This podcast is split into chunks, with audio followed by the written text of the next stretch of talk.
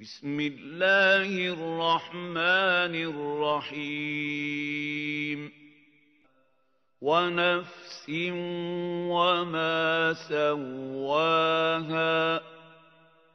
فألهمها فجورها وتقواها.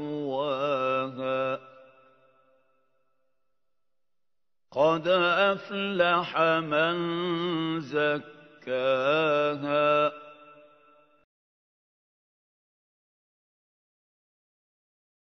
بسم الله الحمد لله.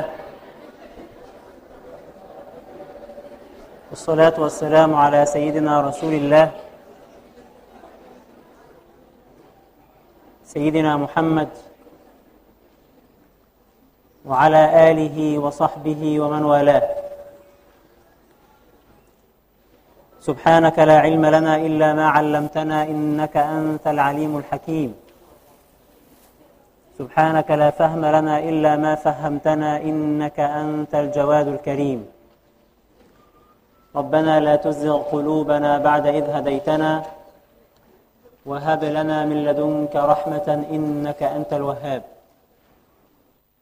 اللهم صل على سيدنا محمد في الأولين وصل على سيدنا محمد في الآخرين وصل على سيدنا محمد في كل وقت وحين. وصل على سيدنا محمد في الملأ الأعلى إلى يوم الدين. أما بعد حياكم الله. طبتم وطاب ممشاكم وتبوأتم من الجنة منزلا. أسأل الله سبحانه وتعالى أن يجعل هذه الأوقات في موازين حسناتكم وأن ينفعنا وإياكم بما نسمع. وأن يجعلنا بعد هذا اللقاء خيرا مما قبله. إنه ولي ذلك والقادر عليه. أبشركم وأبشر نفسي بحديث رسول الله صلى الله عليه وسلم الذي يقول فيه كل أمتي يدخلون الجنة إلا من أبى. قالوا ومن يأبى يا رسول الله؟ قال من أطاعني دخل الجنة ومن عصاني فقد أبى. صدق رسول الله صلى الله عليه وسلم. بنستكمل الحديث مع حضراتكم في قطاع الطرق الذين يقطعون العلاقة بيننا وبين الله سبحانه وتعالى. الذين يريدون لنا أن نضل. الذين يريدون لنا أن نكون من أهل النار. وقلنا إن معركة الإنسان مع النفس ومع الشيطان لا تنتهي. لن تنتهي هذه المعركة إلا إلا بالموت. طول ما إحنا عايشين وطول ما في نفس يدخل ويخرج فالإنسان مكلف فالإنسان مبتلى فالإنسان عليه أن يجاهد نفسه ويجاهد الشيطان. ولن نصل في مرحلة من المراحل أو في وقت من الأوقات إن الواحد فينا يقول خلاص الحمد لله أنا الآن مطمئن. مش هيحصل. لن يحدث. ليه؟ لأنك حتى تموت أنت في مرحلة التكليف. والتكليف هو إلزام ما فيه كلفة. إلزام ما فيه كلفة ومشقة. والله عز وجل يقول لا أقسم بهذا البلد وأنت حل بهذا البلد ووالد وما ولد لقد خلقنا الإنسان في كبد. فحياتنا في هذه الدنيا الأصل فيها أنها ليست مريحة. فنحن لسنا في دار نعيم. نحن في دار اختبار وابتلاء وتعب ونكد ومشقة. فلا يكن توقعاتنا من الدنيا أو فلا تكن توقعاتنا من الدنيا بخلاف ما هي عليه لأنه الناس بالكتير بتتصدم وتتعب. وكتير منهم يظن إنه بمجرد ما هيلتزم مثلا بالصلوات أو يلتزم بالعبادات ويحاول أن يطيع الله سبحانه وتعالى. إنه خلاص حياته هتنضبط وهيبقى إنسان سعيد وكل مشاكله هتتحل واحتمال يبقى غني وإذا ما كانش متجوز خلاص ربنا هيفتح عليه يتزوج على طول أو إذا ما كانتش متزوجة ربنا هيفتح عليها وتتزوج إلى آخره. ليس الأمر هكذا يا شباب. فهذه الدنيا نتقلب فيها من اختبار إلى اختبار ومن ابتلاء إلى ابتلاء. وكلما نجحت في اختبار أو في ابتلاء كلما أتاك ما هو أصعب منه وما هو أخفى منه حتى تخلص لله سبحانه وتعالى. بحيث تكون واحد من الصديقين أو الشهداء أو الصالحين أو إذا ما كنتش واحد من دول يبقى على الأقل فأنت تحبهم فترافقهم في الجنة. هؤلاء هم الذين قال الله عز وجل عنهم أولئك الذين أنعم الله عليهم من النبيين والصديقين والشهداء والصالحين وحسن أولئك رفيقا. فنعم الرفقة ونعم الصحبة حين تكون مع هؤلاء وإن لم تبلغ درجتهم. فمن رحمة الله سبحانه وتعالى بنا إنك إذا الواحد فينا مات وهو يحب الصالحين وإن لم يبلغ درجتهم فهو فهو معهم فهو معهم. كان سيدنا ثوبان وثوبان كان مولى رسول الله صلى الله عليه وسلم. ثوبان كان مولا لرسول الله. يعني إيه مولا لرسول الله؟ يعني عبد يعني خادم. كان مولا لرسول الله صلى الله عليه وسلم. فكان ثوبان إذا رأى النبي صلى الله عليه وسلم. أحس النبي تجاهه أو أحس النبي منه آه، بحالة من حالات الشوق الشديد. فكان لا يحب أن يدع رسول الله صلى الله عليه وسلم. على طول عايز يبقى مع النبي صلى الله عليه وسلم.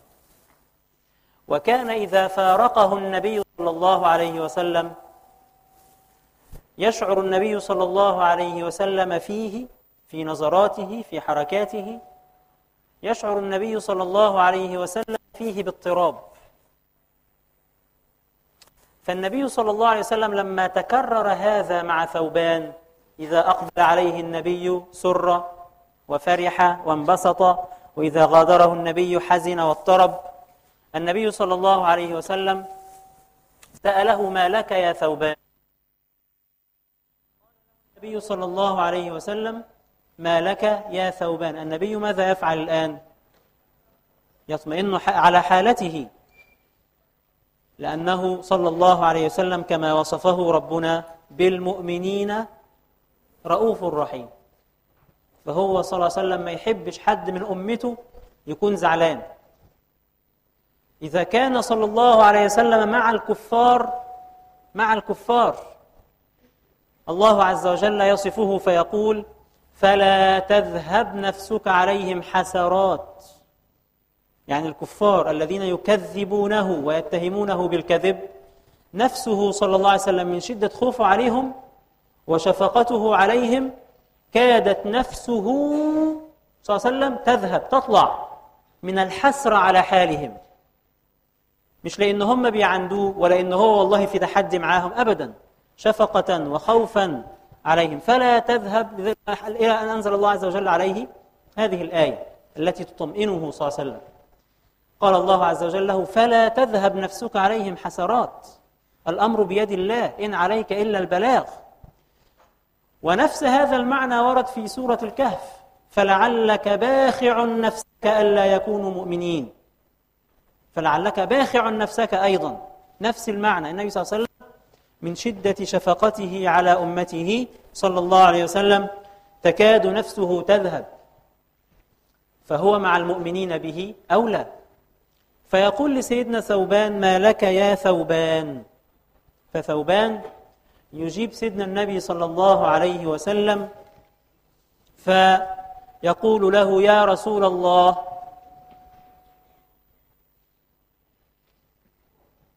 كلما ذكرت مقامي ومقامك في الجنة أحزن.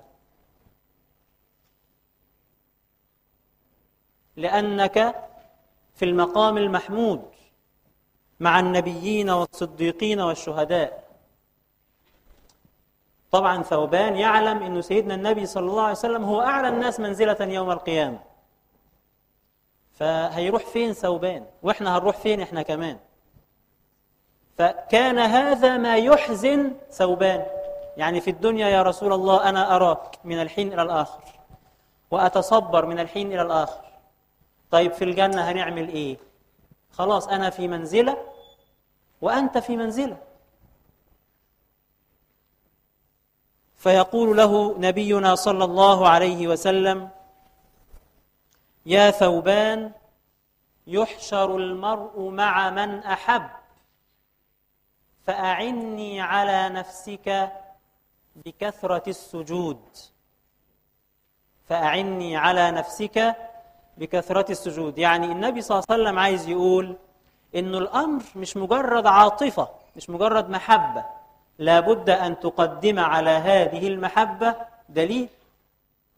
أنت إذا كنت تحبني يا ثوبان فعليك أن تقدم دليلا على هذا الحب. أن تحب الله سبحانه وتعالى. فأعني على نفسك بكثرة السجود. ثم بعد ذلك هذه الفجوة التي بيننا يسدها الله سبحانه وتعالى. فأولئك مع الذين أنعم الله عليهم من النبيين والصديقين والشهداء والصالحين وحسن أولئك رفيقا. نسأل الله أن يحشرنا جميعا مع نبينا صلى الله عليه وسلم. وقفنا فين يا شباب؟ وقفنا عند مداخل الشيطان.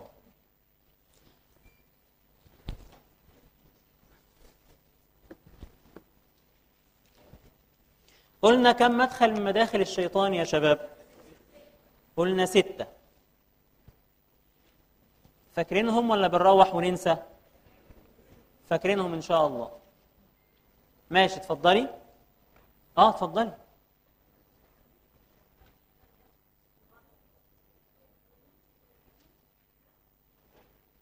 البخل. فقط؟ ماشي جزاكم الله خيرا. اتفضلي. حد من الأولاد؟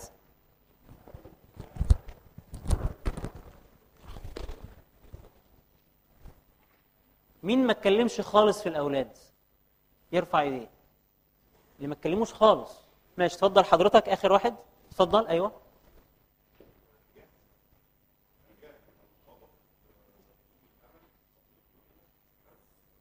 أحسنت. جزاكم الله خيرا. يوسف؟ طبعا كلكم ما شاء الله اعتبروا نفسكم خدتوا. يعني وحب لأخيك وأحب لأخيك ما تحب. لا يؤمن أحدكم حتى يحب لأخيه ما يحب لنفسه. فبلاش النظرات اللي أنا عارفها دي يا جماعة. طيب نقول رقم سبعة الكبر. الكبر.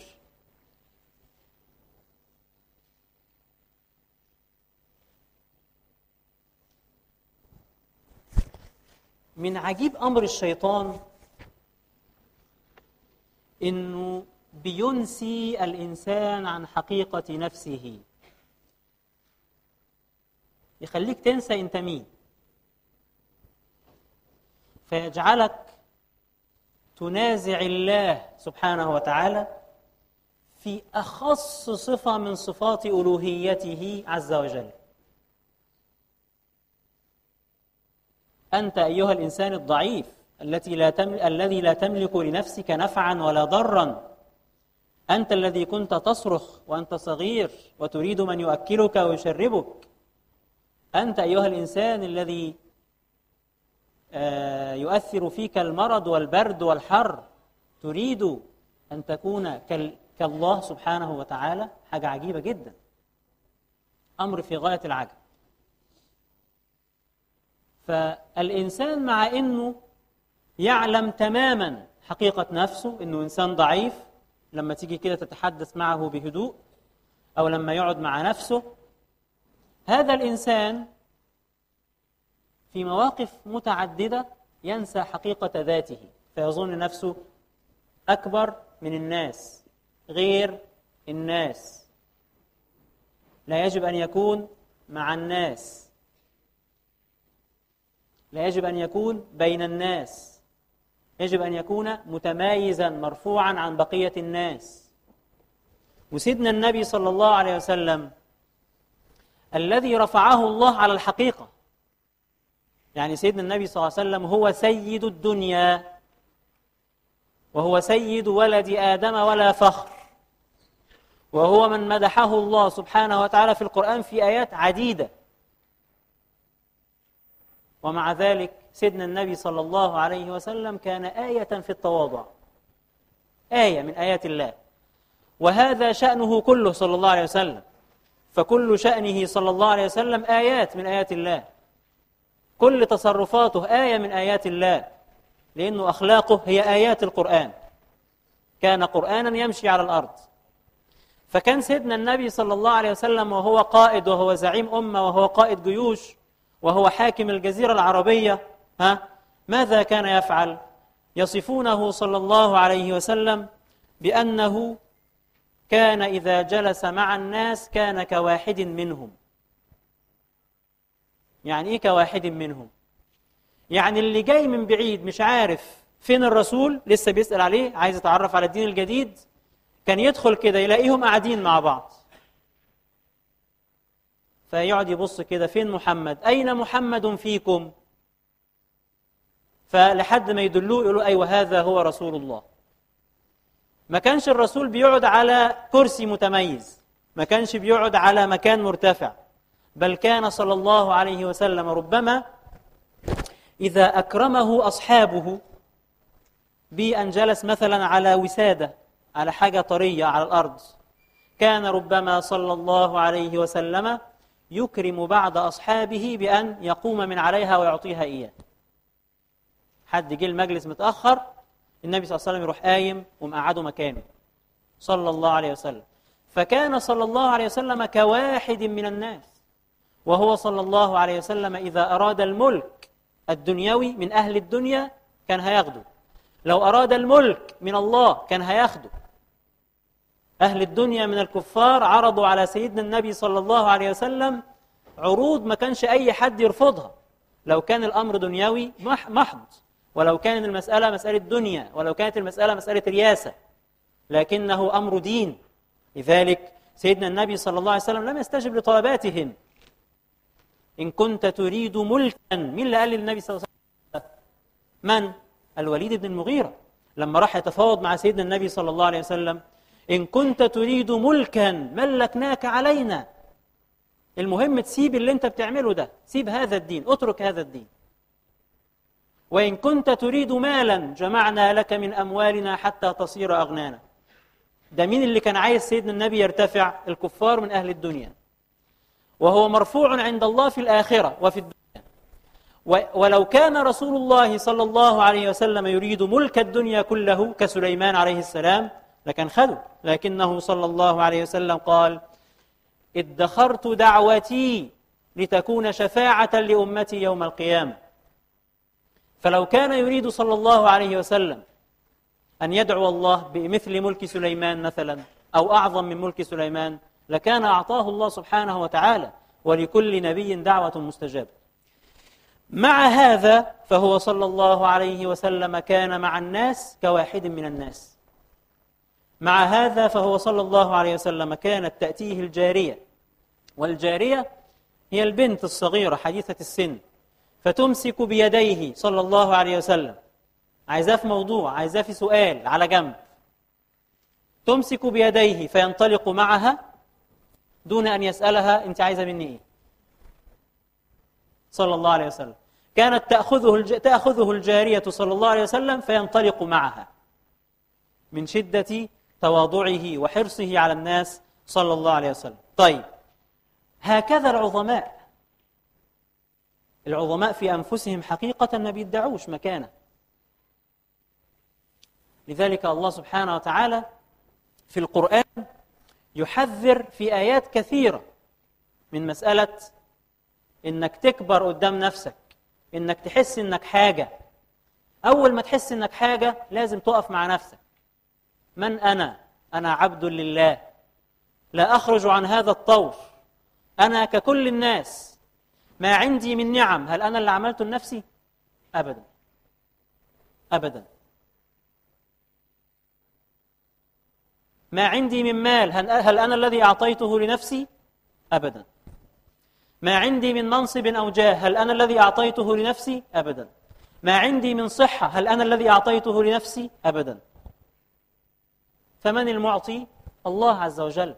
لذلك تعلق بالله واحمد الله واشكر الله لأن هذه النعم قد تزول في لحظة.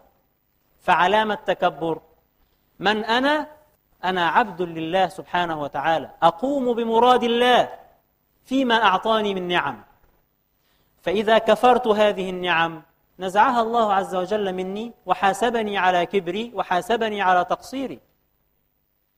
يقول الله عز وجل أعوذ بالله من الشيطان الرجيم بسم الله الرحمن الرحيم. وعباد الرحمن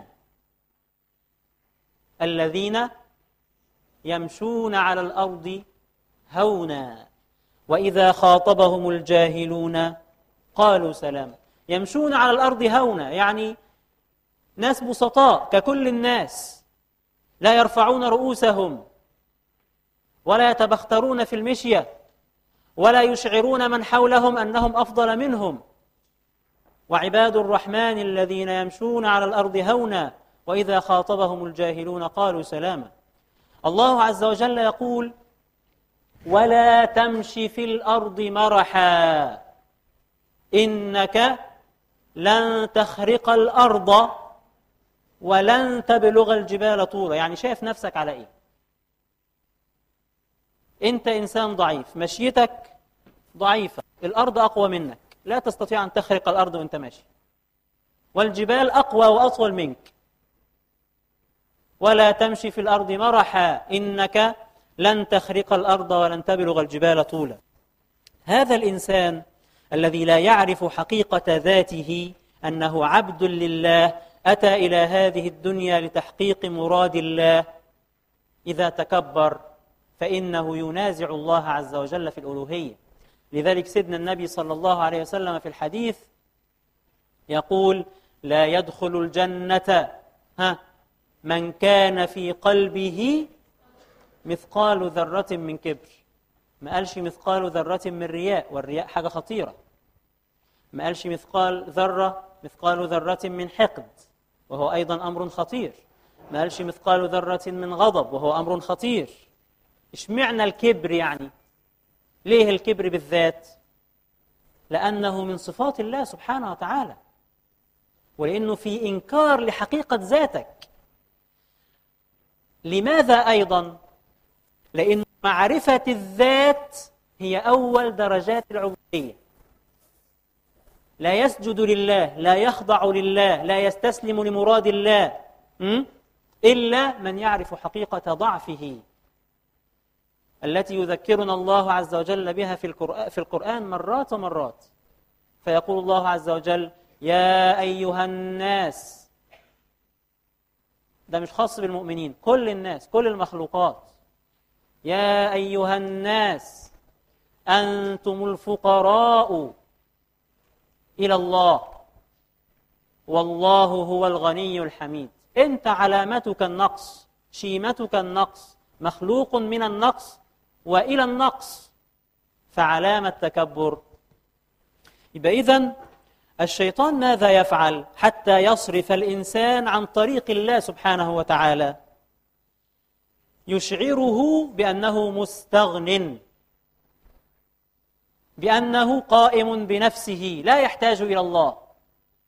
طبعا الكبر درجات فأدناه ما يحدث في قلوب كثير من الناس. لما ربنا يعطيه نعمة. ربنا يعطيك غنى يعطيك نجاح يعطيك شهادة يعطيك منصب يعطيك شهرة يعطيك أي حاجة. ده الحد الأدنى. يحدث في قلوب كل الناس تقريبا. لكن المؤمن الحق ماذا يفعل؟ يذكر نفسه دائما بأن ما أنا فيه عارية مستردة. ينزعها الله مني إن لم أقم بحقها. فعلى طول يرجع لنفسه ويقول استغفر الله. أعوذ بالله من الشيطان الرجيم. اللهم اجعلني من المتواضعين. هذا شأن المؤمن. ثم دي أدنى درجة وأعلاها ادعاء الألوهية كما فعل فرعون. عندما قال أنا ربكم الأعلى يعني هذه النقطة الصغيرة هذه المثقال ذرة من كبر التي كانت موجودة في قلبه ها كبرت كبرت كبرت حتى التهمته فظن نفسه إلها.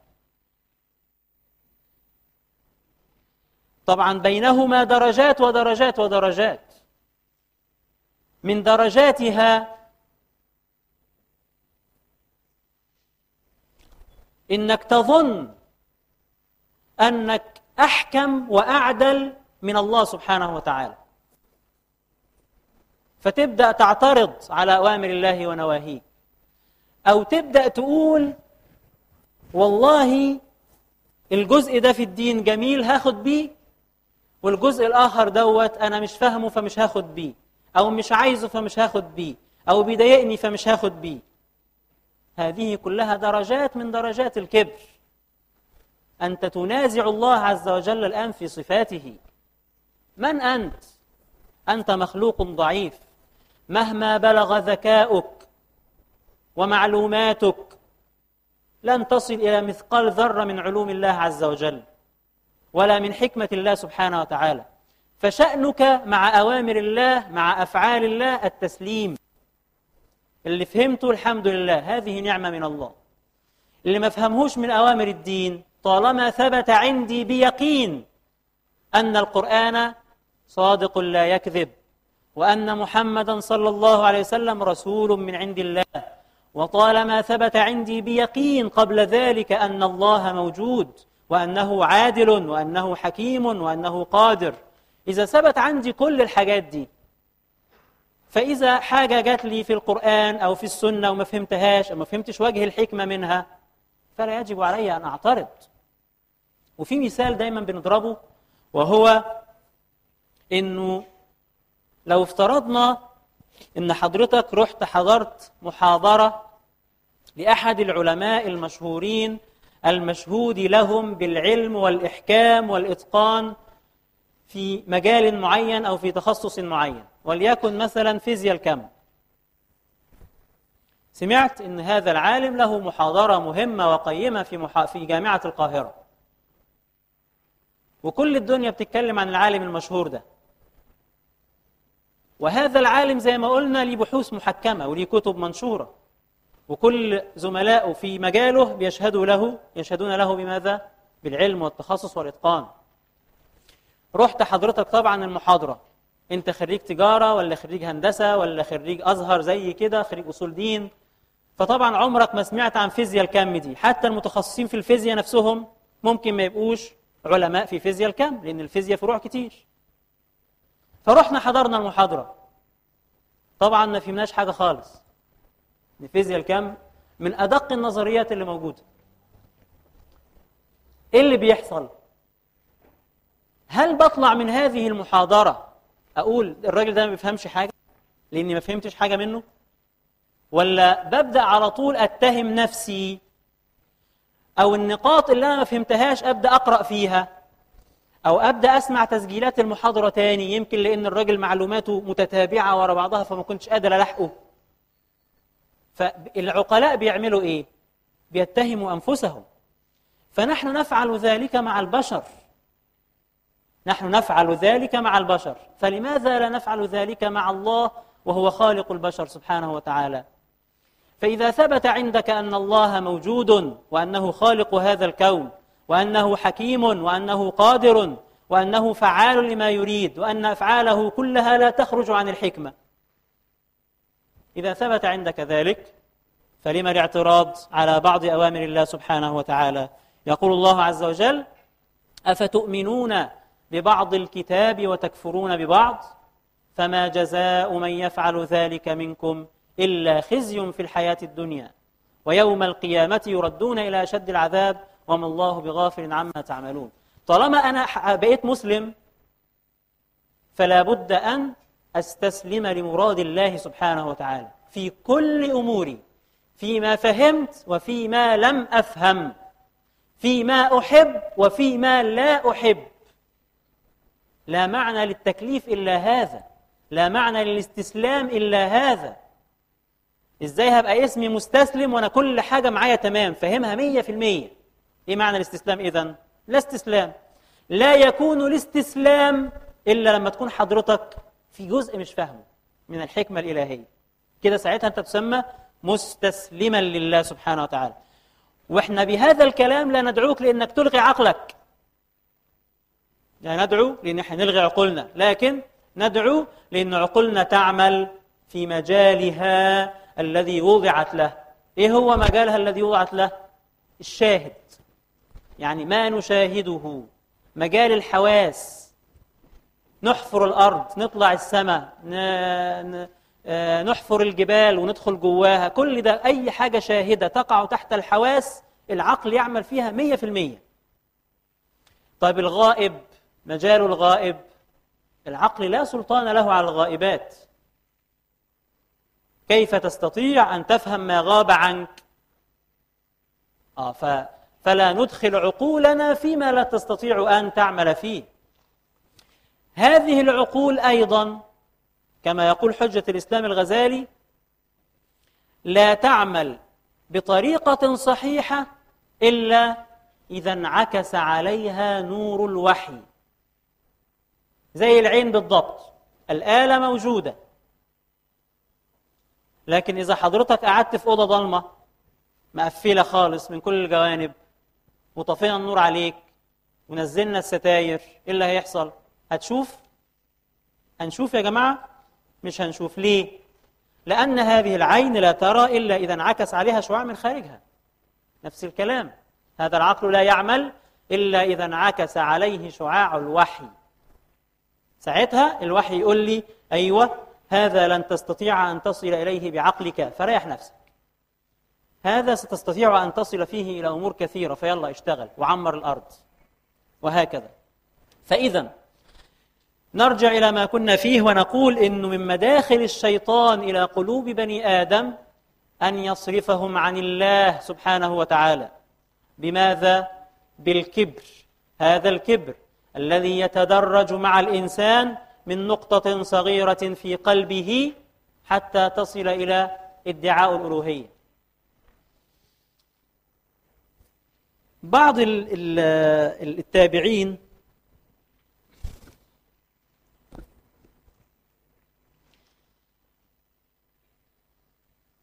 رأى المهلب ابن أبي صفرة. والمهلب ابن أبي صفرة كان من الولاة في الدولة الأموية.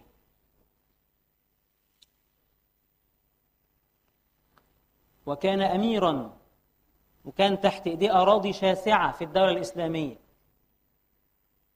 لكن كانت الأمة في هذا الوقت بخير.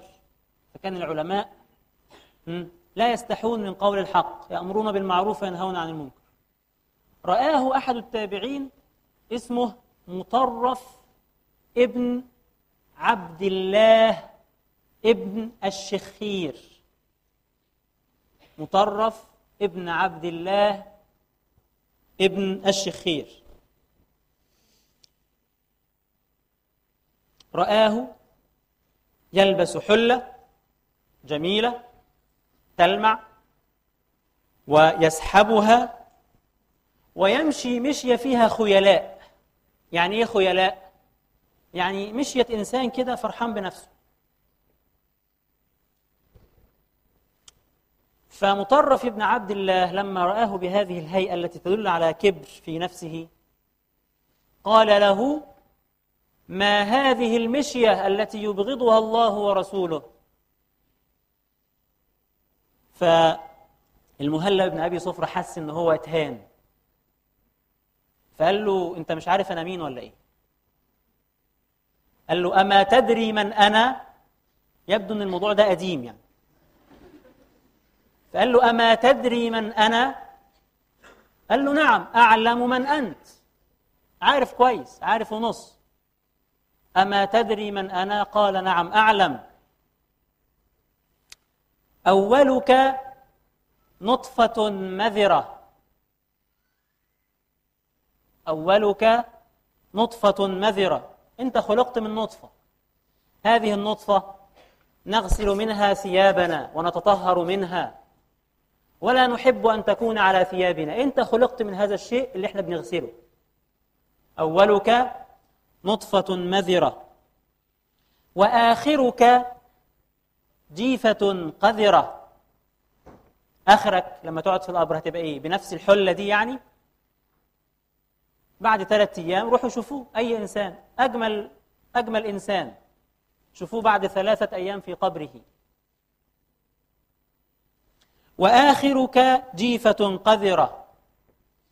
وحشوك فيما بين ذلك يعني أنت بين الأول والآخر حياتك تحمل بين جنبيك بول وعذرة. يعني أنت طول ما أنت ماشي طول الوقت أنت بتحمل في, في داخلك القذر. فطبعا الكلام قوي جدا.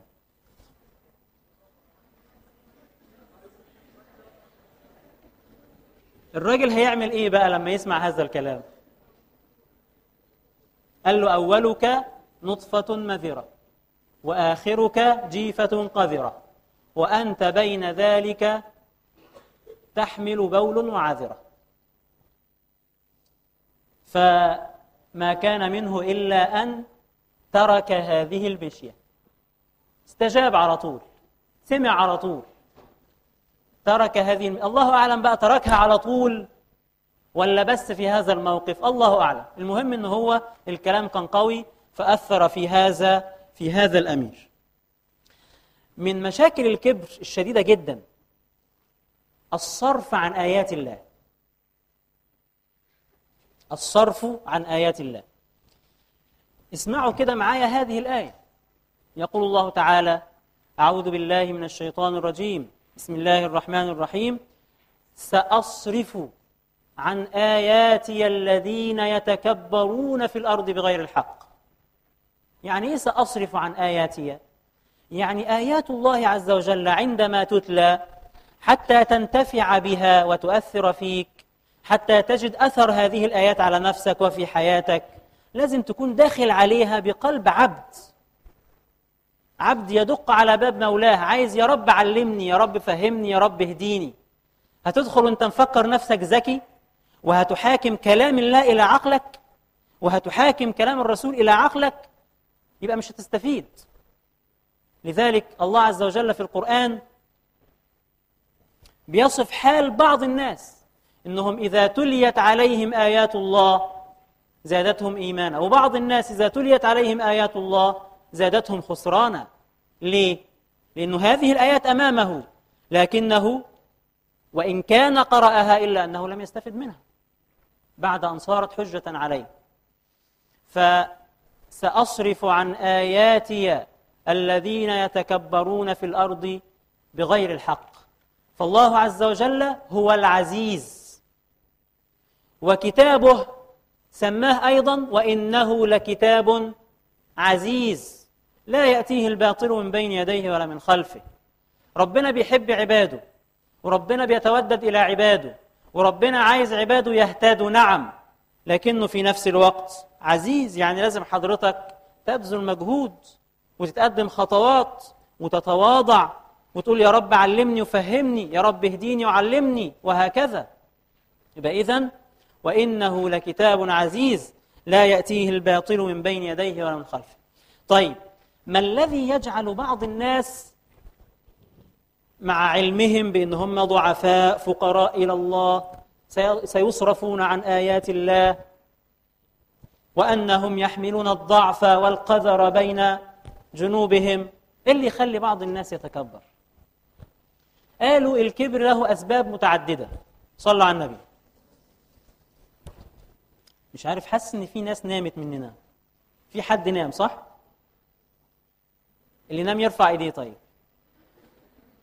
لا بكل أمانة يعني. عادي عادي عادي.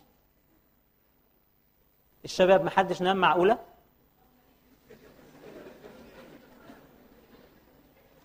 المفروض إنكم كلكم جايين من شغل يعني أو من الجامعة ولا مفيش جامعة دلوقتي؟ فالطبيعي إن كلكم نايمين. طب صلوا على النبي.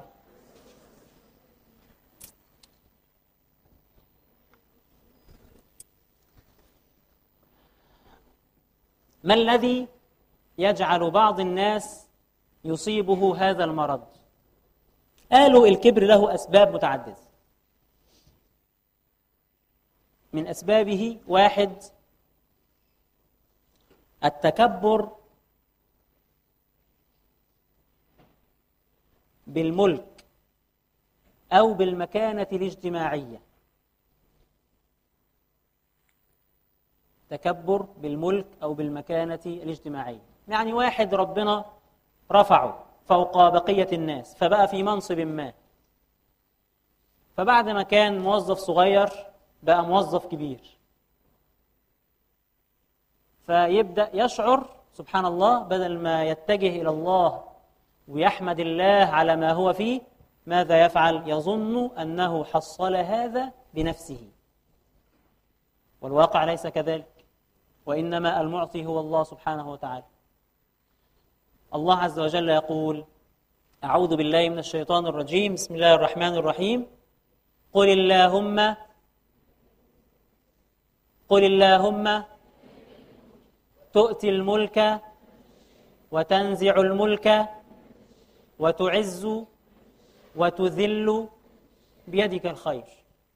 يبقى إذن الرافع هو الله سبحانه وتعالى. فأنت لما ربنا سبحانه وتعالى يعطيك مكانة يعطيك ملك يعطيك وظيفة محترمة بقية أو يعني دونا عن بقية أقرانك انسب هذا دائما إلى الله سبحانه وتعالى حتى لا تقع في مرض الكبر. السبب الثاني من أسباب وقوع الناس في الكبر المال. التكبر بالمال. يبقى رقم واحد التكبر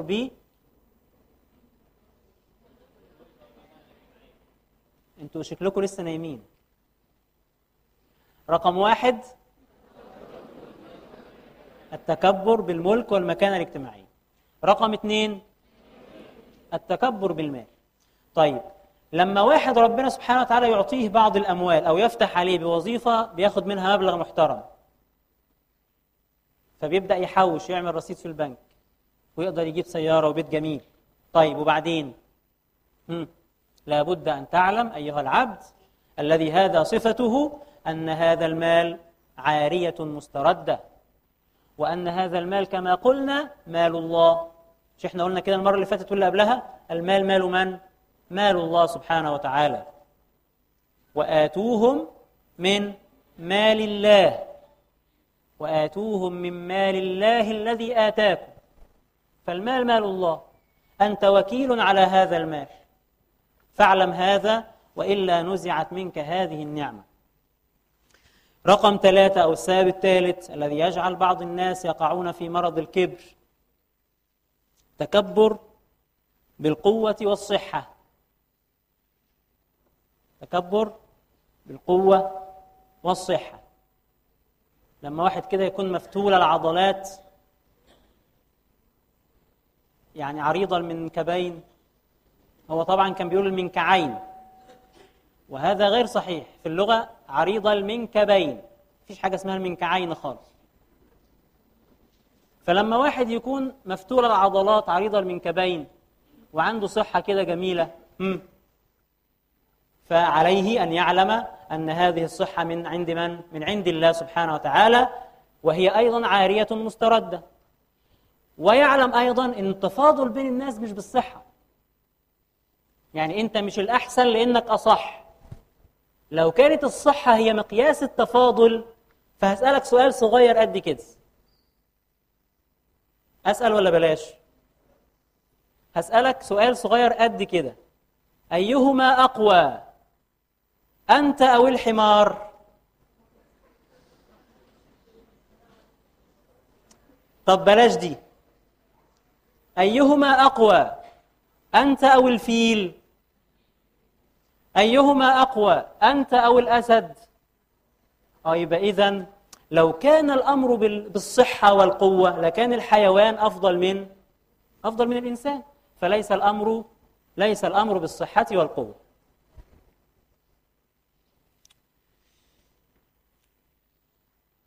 قلنا كم سبب كده يا شباب؟ ثلاثة واحد. لا مع بعض الله يكرمكم عشان الناس اللي نايمين يصحوا.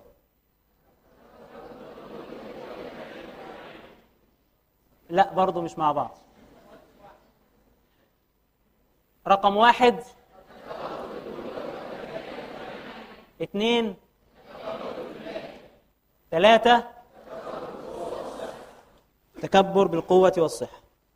رقم أربعة ودي غريبة جدا وعجيبة جدا وقد لا يدركها كل الناس. التكبر بالعلم.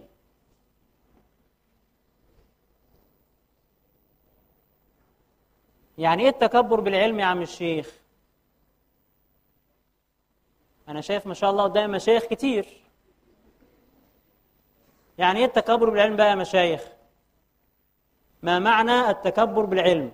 يعني علشان نبقى عباد الله الصالحين آه نفضل جهلة مثلا ناخد الشهادة الابتدائية ونكتفي بها؟ مم. يعني إيه يا شباب؟ ما معنى التكبر بالعلم؟ اتفضل يا فندم.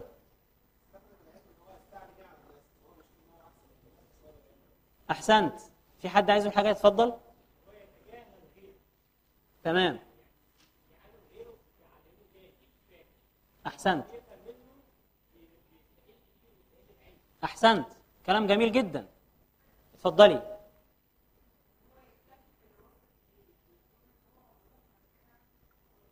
تمام جميل جدا. اتفضلي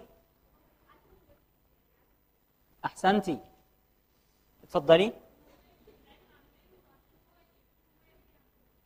إن هو يكتم العلم احسنتي طيب كل الكلام اللي حضراتكم قلتوه جميل جدا. اتفضلي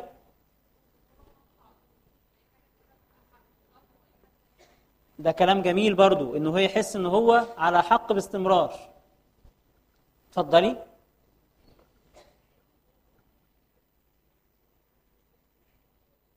تمام إنه يفتكر إنه علمه هو الذي يهديه وليس الله سبحانه وتعالى.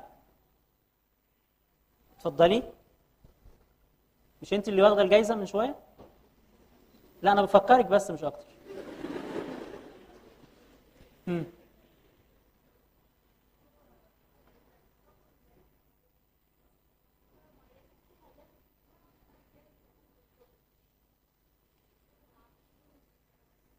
اللي ما عندوش إيه؟ قرب. قدوة. إيه؟ خلق. خلق. تمام. طيب تمام قوي جزاكم الله خير. أخونا اللي فوق قال كلام جميل قوي قال إيه بقى؟ فكروني كده. قلت إيه؟ قول لي كده. قول لي بس الأولاني عشان أفتكره.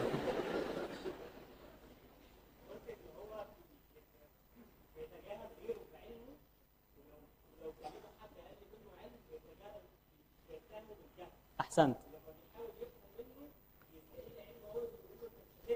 أحسنت. جميل جدا. إن هو بيتجاهل غيره وبيحاول يعني ي... ي... طيب اتفضل. كمل وبعدين هقول طيب. حاضر. طيب صلوا على النبي. إحنا عندنا الستاندرد اللي إحنا بنقلده اللي إحنا دايما بنقيس عليه هو مين؟ سيدنا رسول الله صلى الله عليه وسلم. سيدنا النبي صلى الله عليه وسلم لا شك إن كان عنده علوم الدنيا والآخرة صلى الله عليه وسلم. ومع ذلك كان مثلا إذا تحدث يكرر كلامه ثلاث مرات أو يتحدث بتأني حتى يفهمه السامع خاصة إنه صلى الله عليه وسلم بعث في أمة أمية. لا تقرأ ولا تحسب. فما جالهمش بقى وقال لهم الإيه؟ الألفاظ الكبيرة التي تدل على أنه إيه؟ العميق أو المتعمق في العلم. أبدا. وإنما ها كان يتحدث بلغة الناس كالناس. وكان يكرر كلامه ثلاث مرات.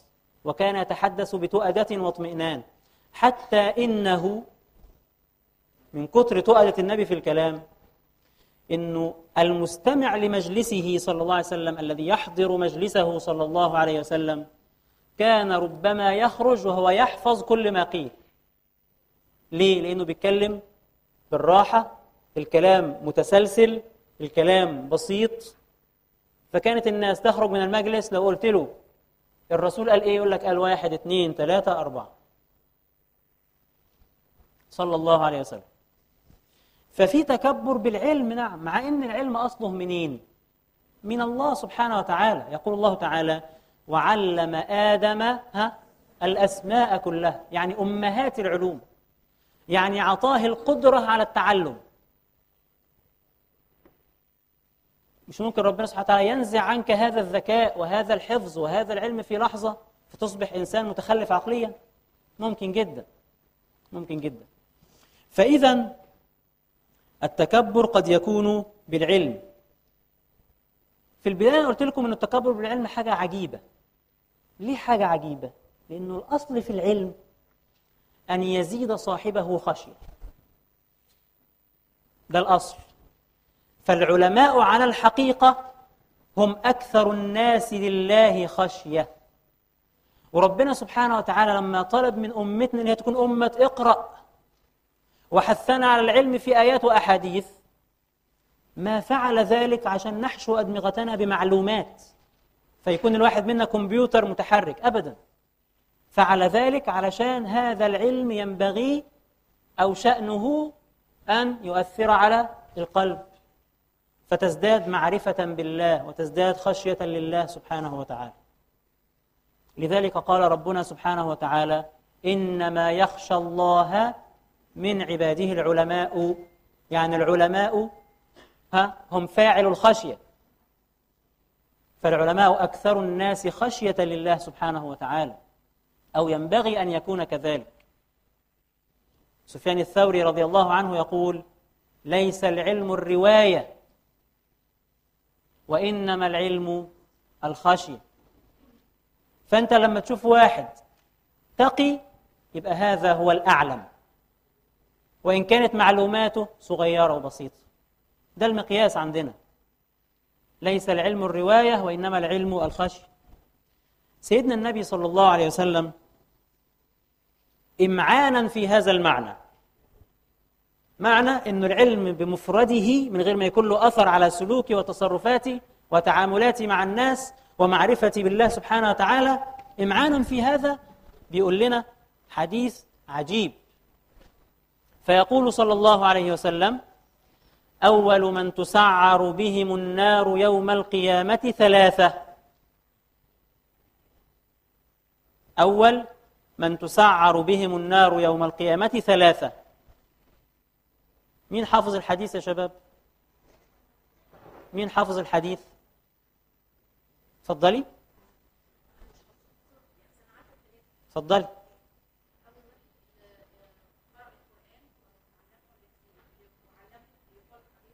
امم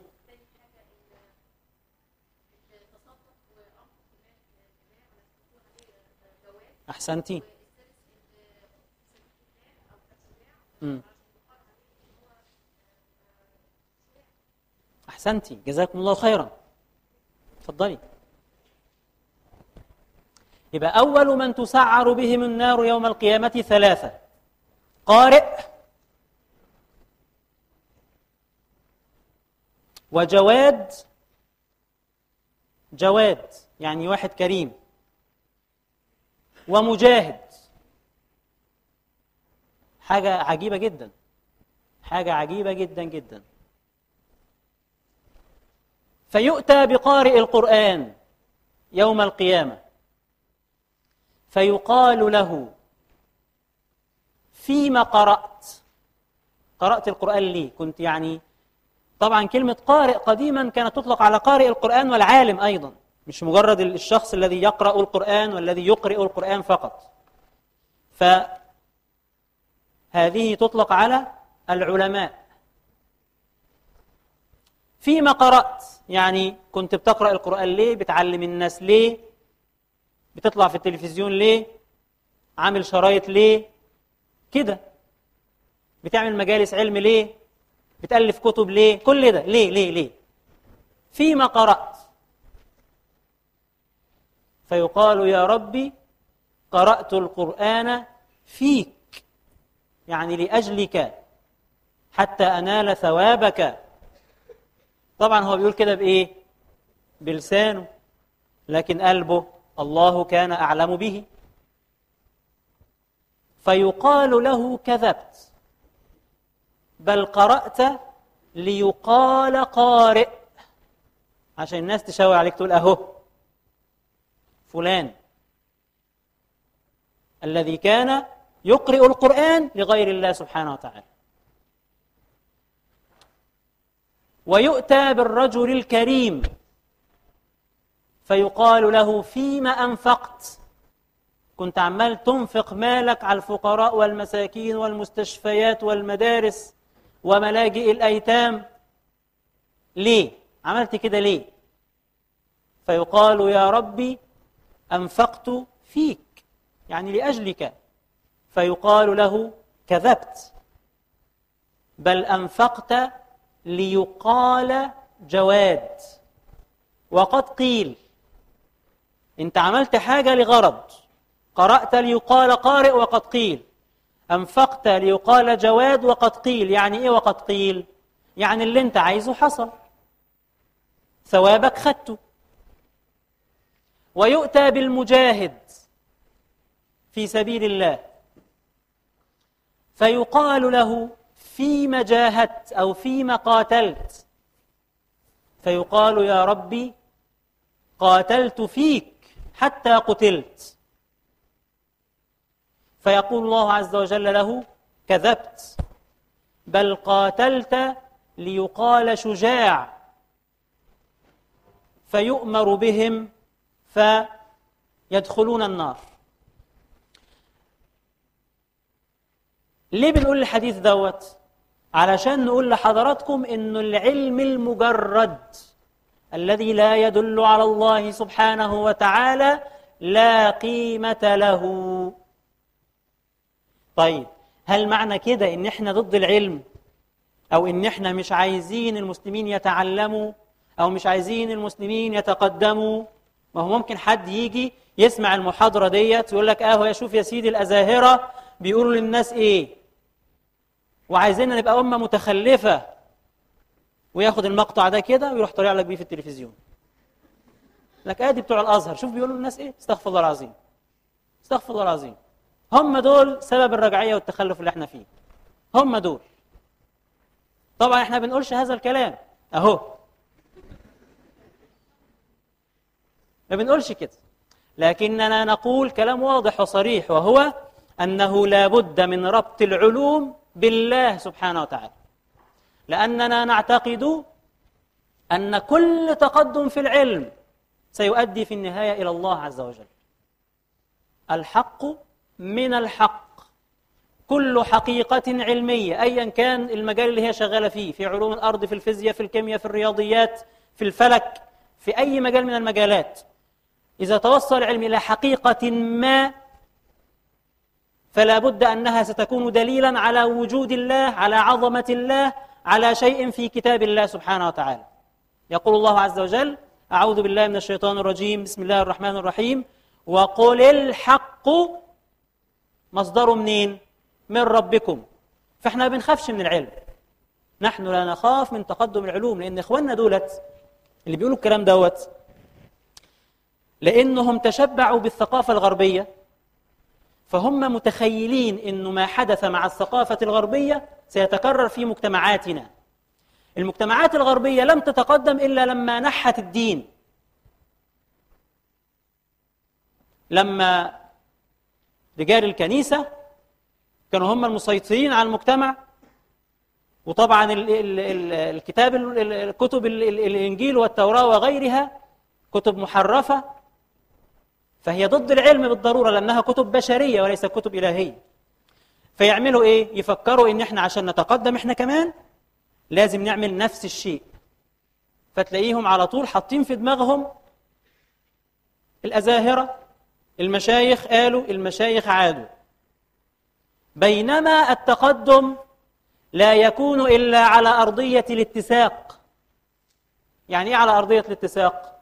يعني الأوروبيين تقدموا لما نحوا الدين البشري الوضعي.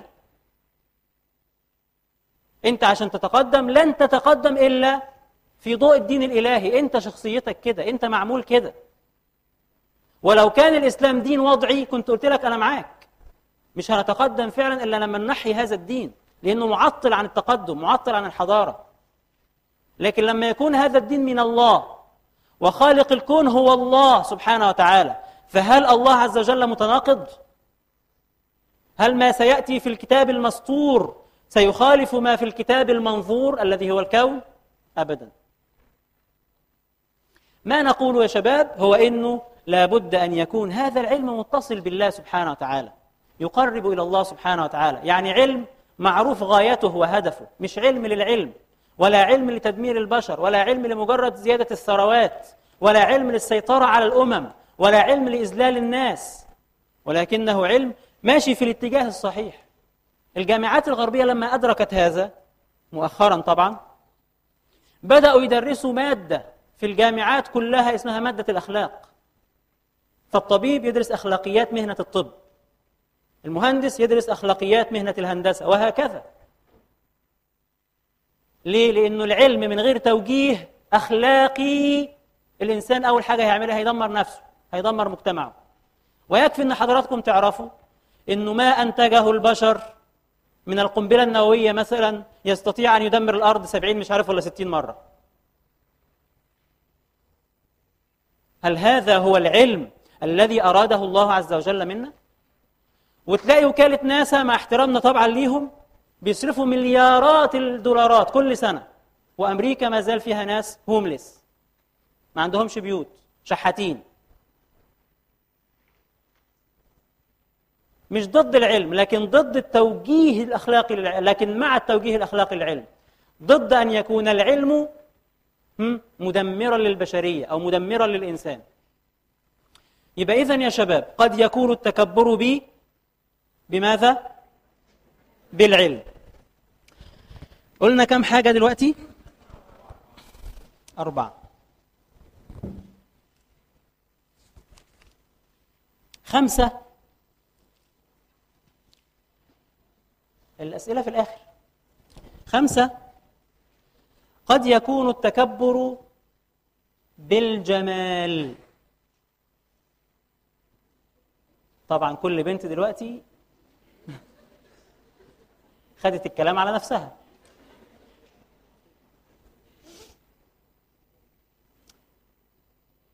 وهذا النوع أكثر ما يكون في النساء. يعني الراجل حتة إنه يبقى جميل دي بصراحة ما بتهمهمش قوي. صح يا شباب؟ ممكن أكون غلطان عادي على فكرة. يعني كون إن الولد مثلا أكيد حضراتكم عارفين كده وشفتوا كده. البنت وهي صغيرة خالص قد كده. لسه ما تعرفش حاجة. حتى لسه مش عارفة يعني إيه بنت يعني إيه ولد. ليها جايبة المشط وعمالة وبتقف قدام المراية وتجيب المونيكير وتحط. مش كده؟ غريزة سبحان الله العظيم. لكن الأولاد عادي. يلعب في الشارع يطلع الهدوم مليانة تراب ومليانة بتاع ويقعد ياكل وهو زي ما هو كده. مفيش مشكلة خالص ولا يهمه. والمشكلة إنه بيعتقد إن هو كده جميل يعني.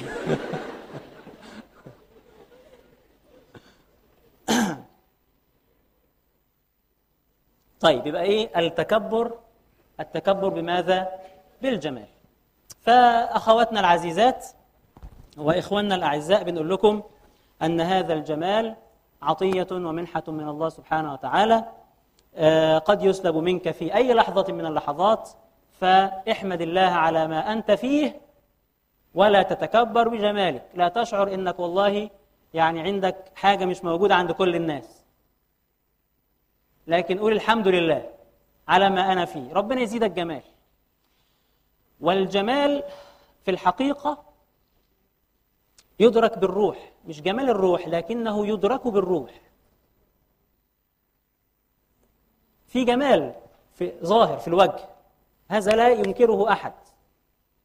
لكن أنا ممكن أكون جميلة فعلا وفقا لمقاييس الجمال. تمام؟ لكن مع إني جميلة وفقا لمقاييس الجمال أو مع أني جميل برضه عشان الشباب ما يزعلوش وفقا لمقاييس الجمال لكن الناس بتشوفني وحش.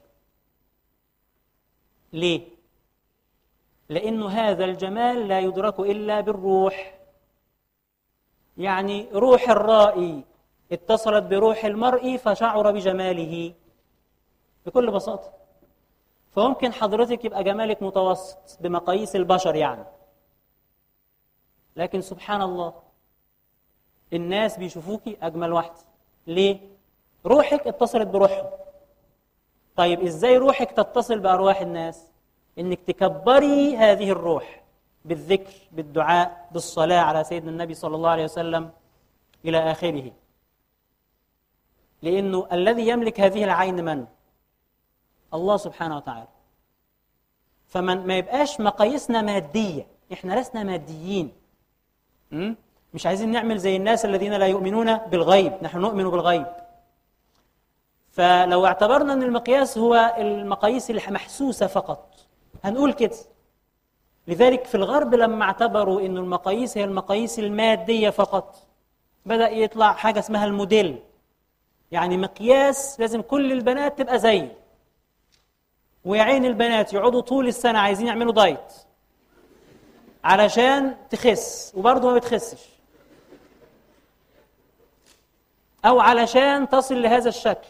طب هتوصلي إزاي لهذا الشكل؟ فتعمل عمليات تجميل. وتصرف اللي وراها واللي قدامها. علشان في الآخر الناس يشوفوها جميلة.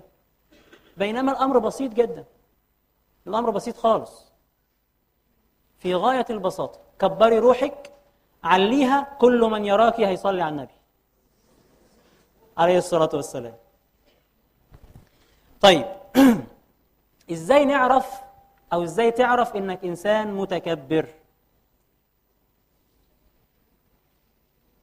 سيدنا النبي صلى الله عليه وسلم أعطانا العلامة.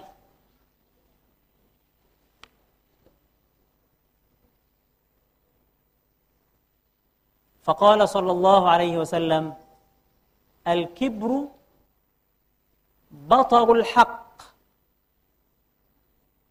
وغمط الناس.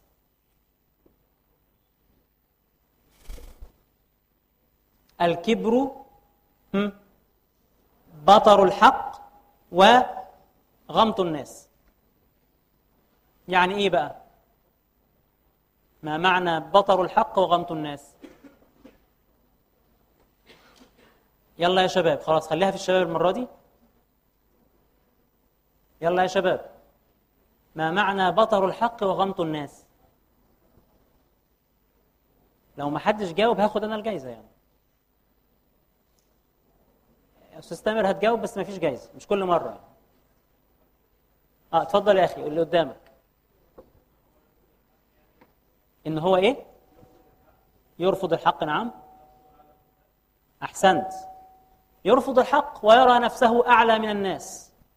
فيغمط الناس. يعني يغمط الناس؟ يعني يحتقرهم. يبقى حضرتك إذا كنت ترفض الحق يعني واحد شافك بتعمل حاجة وقال لك يا أخي العزيز أنت الكلام دوت مش صح. فأنت يا ريت تعمل كذا كذا كذا. شوف نفسك بعد النصيحة بتبقى شكلك عامل إزاي. إذا لقيت نفسك والله بتجادل طب لا إزاي؟ ده ده أنا أقصد طب ده أنا أعمل طب ده كذا ها؟ يبقى أنت في قلبك شيء من الكبر. قلت له على طول جزاكم الله خيرا. ربنا يكرمك إنك نصحتني لأنه لا ينصح إلا المحب. يبقى أنت إنسان ما فيكش كبر. سيدنا النبي صلى الله عليه وسلم أخونا تفضل يوسف. سيدنا النبي صلى الله عليه وسلم جاءه أعرابي. وأعرابي لما نقول أعرابي يعني ناس مش متحضرين. أهل الجزيرة العربية كانوا قسمين أهل حضر وأهل بدو وأهل وأهل بدو أو مدر. فأهل الحضر اللي هم عايشين في المدن الكبرى مكة المدينة الطائف دول ناس أهل حضر. البدو اللي هم أهل المدر هؤلاء أقل تحضرا. فمش عارف يتكلم إزاي يعمل إيه مش عارف. فراح لسيدنا النبي صلى الله عليه وسلم بعد غزوة من الغزوات وهو صلى الله عليه وسلم يوزع الغنائم كما كما أمره ربنا سبحانه وتعالى. فيجي هذا الرجل ويمسك سيدنا النبي كده يقول له يا محمد اعدل. اعدل. يعني اعدل في القسمة. ما تجاملش ناس على حساب ناس. فسيدنا النبي صلى الله عليه وسلم بكل هدوء يروح عادل ثوبه يقول له رحمك الله من يعدل إذا لم أعدل؟ إذا ما كنتش أنا هعدل مين هيعدل؟ سيدنا عمر بن الخطاب رضي الله عنه وهو ماشي في طريق من الطرق غصب عنه يدوس على حاجة بتاعت حد.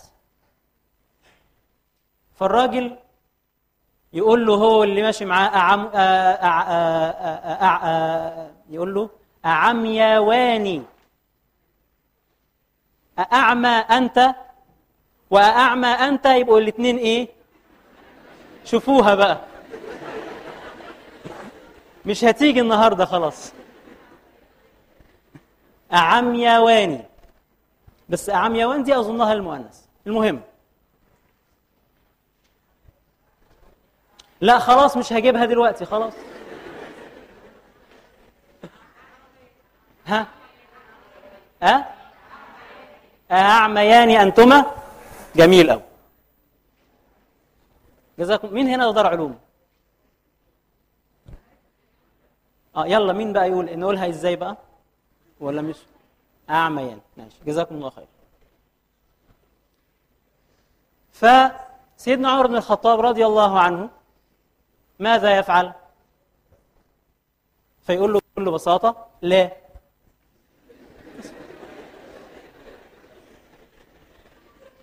فالراجل اللي ماشي مع سيدنا عمر يقول له يا أمير المؤمنين الراجل بيشتمك.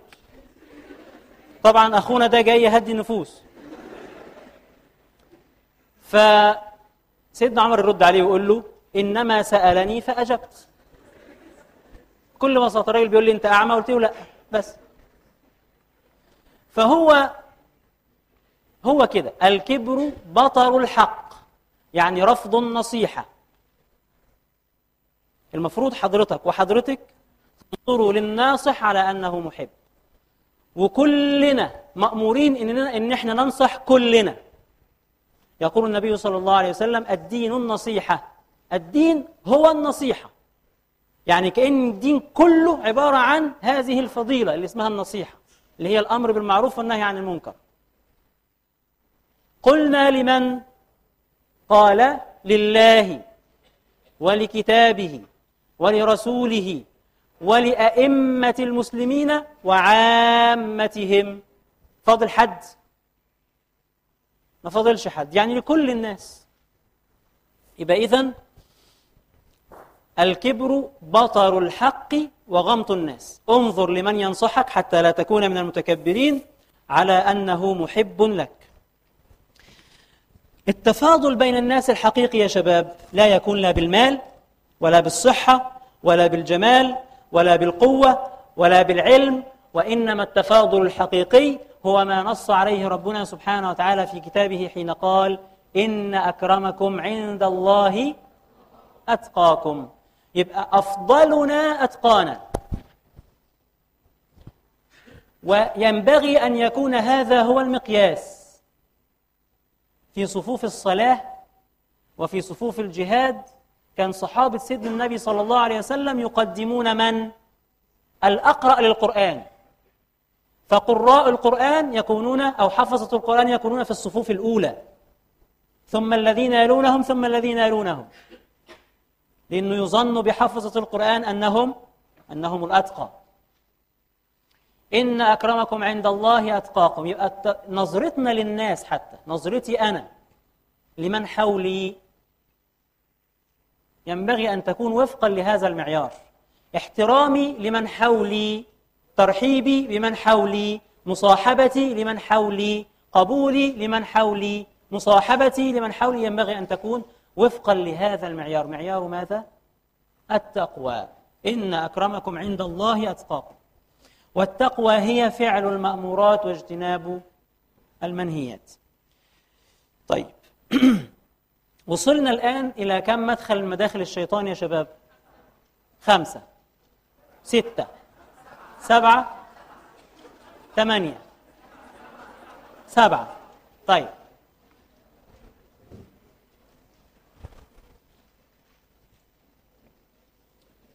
قبل ما ندخل في المدخل الثامن علشان الناس اللي نامت صحيت ولا لسه؟ الناس اللي كانوا نايمين. الحمد لله على السلامة.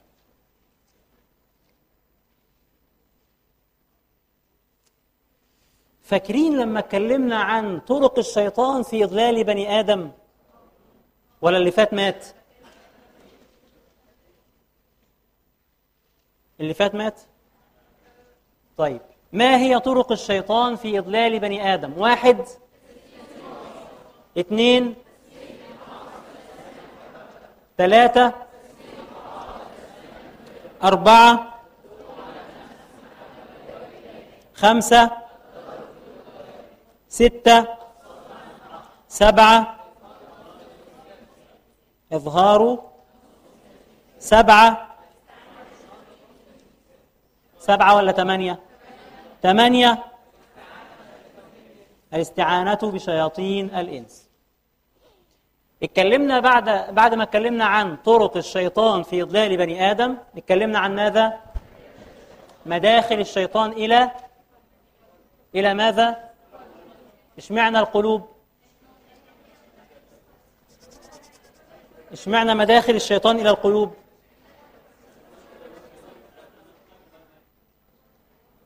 تفضل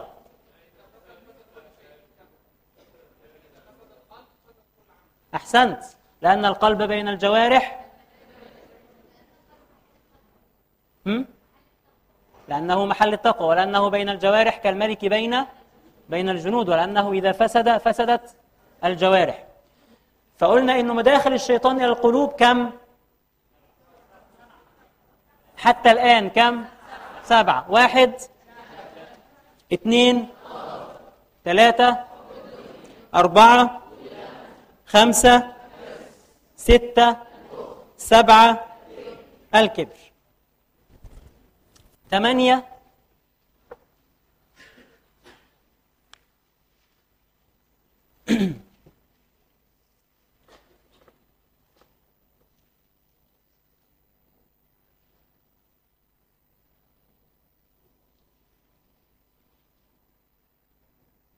الناس اللي نايمين صحيوا؟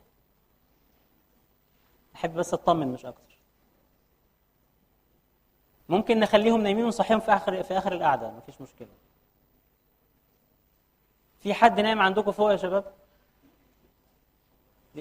لأنه الناس اللي في الصف الأخير اللي أنا مش شايفهم أكيد في حد منهم مريح مثلا. تمام يا أحمد؟ شوف موقفين حارس فوق. ماشي ثمانية حب المدح. حب المدح.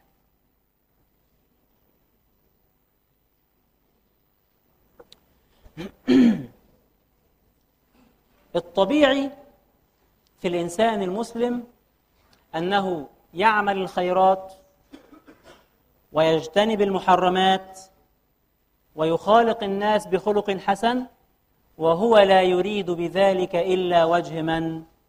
وجه الله سبحانه وتعالى فمحبتك للمدح معناها إيه؟ إن الناس في ذهنك الناس في عقلك الناس في تفكيرك الناس في قلبك فيجي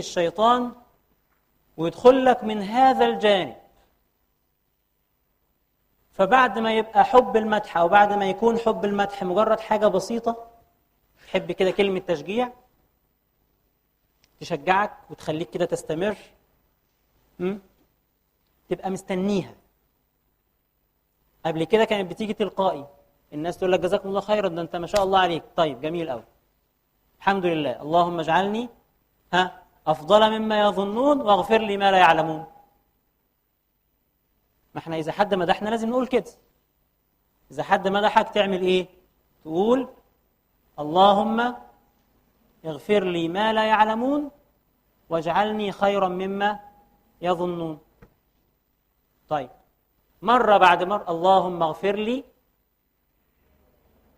ما لا يعلمون. واجعلني خيرا مما يظنون. ولا تؤاخذني بما يقولون.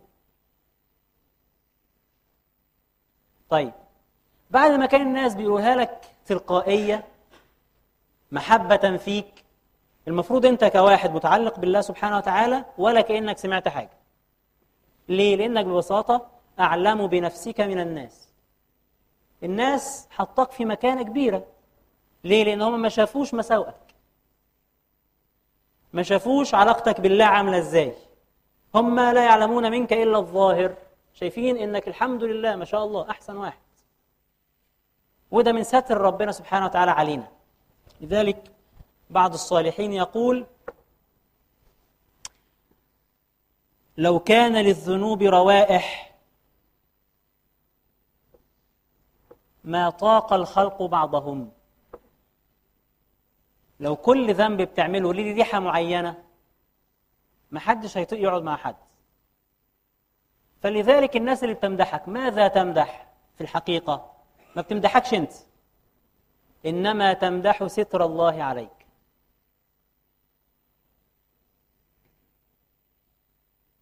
فأنت كواحد أعلم بنفسك من الناس.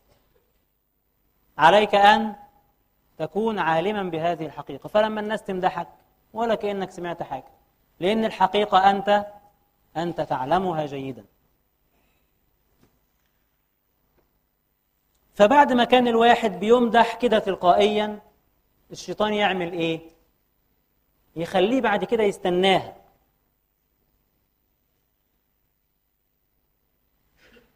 ويزعل إذا ما حدش مدحه. طيب مش كده بس. ده هيبدأ بعد شوية يستجلب مدح الناس.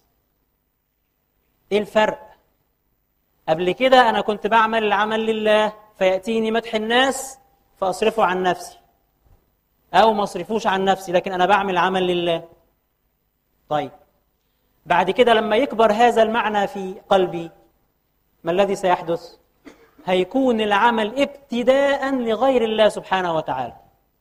فيبقى الواحد عمال يعمل ويجود في عمله ويعامل الناس معاملة حسنة ويتحدث الكلام الجميل لماذا؟ ليستجلب مدح الناس فيقع في إيه؟ في آفة أخرى اسمها الرياء لذلك سيدنا النبي صلى الله عليه وسلم لما سمع رجلا يمدح رجل النبي صلى الله عليه وسلم يقول له ويلك قطعت عنق صاحبك. ذبحته. يعني إيه ذبحته؟ يعني لو خد بكلامك هيهلك. لو صدقك هيهلك. لأنه الشخص لما يشعر إنه ممدوح بين الناس كامل بين الناس هل سيسعى هذا الشخص لإصلاح نفسه؟ ابدا. خلاص أنا الحمد لله وصلت لدرجة عالية جدا فمش محتاج حاجة من حد. فيبقى الواحد وقع في الهلكة. ويلك قطعت عنق صاحبك. طبعا أسوأ من كده إن الواحد يمدح نفسه. يعني إذا كان إذا كان مدح الناس ليك من مداخل الشيطان فأسوأ منه أن تمدح نفسك. تقعد تتكلم عن نفسك كتير وعن إنجازاتك وعن بطولاتك وعن مغامراتك. والحاجات دي. في ناس كتير كده يحب يتكلم عن نفسه كتير قوي. الله عز وجل يقول فلا تزكوا أنفسكم. هو أعلم بمن اتقى. يعني حتى لو أنت بتتكلم عن إنجازات حقيقية وفعلا مواقف صعبة مش أي الناس يمر منها ربنا بيقول لك هو أعلم بمن اتقى. يعني المعيار مش ده. المعيار هو التقوى. وطالما أن المعيار هو التقوى فأنت لا تعلم ما في قلوب العباد. فربما يكون هناك وأكيد يوجد من هو أتقى منك. لذلك الله ذيل الآية بهذا التذييل فقال هو أعلم بمن؟ هو أعلم بمن اتقى.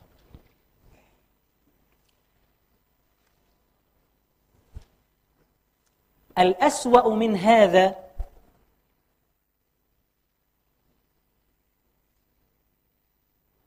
أن يمدح الفاسق. يعني تيجي كده الواحد شرير. مش مش لازم من الأشرار الخمسة ممكن يكون حاجة تانية. واحد غير معروف بطاعته لله سبحانه وتعالى غير معروف باستسلامه لأمر الله سبحانه وتعالى. واحد يجاهر بالمعاصي. فتيجي حضرتك تعمل إيه؟ تمدحه لأنك عايز منه مثلا مال عايز منه وظيفة عايز منه حاجة فتمدحه. بما ليس فيه طبعا. فتقول له ده أنا ما شفتش إنسان طيب زيك.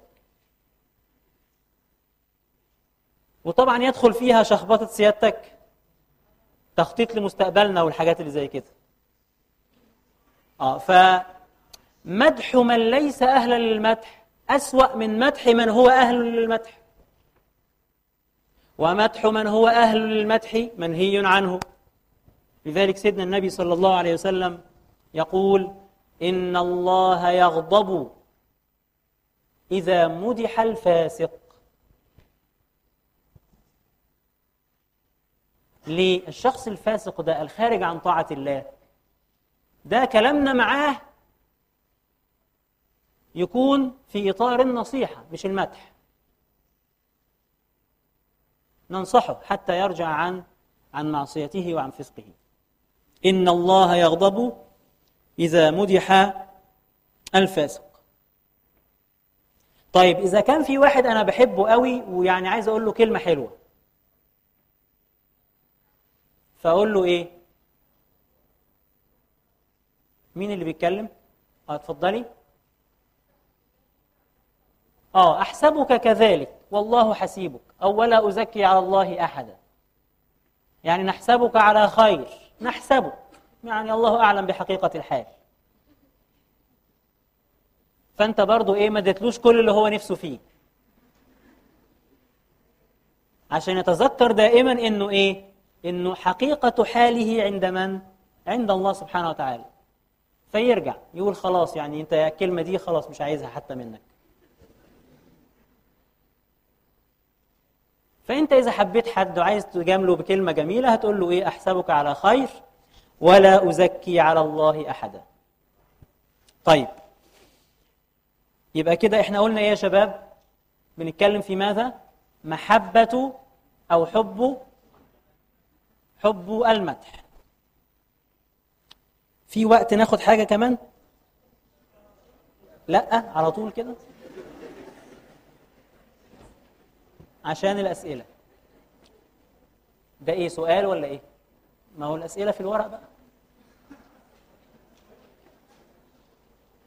طيب نقف هنا ونتكلم في الأسئلة إن شاء الله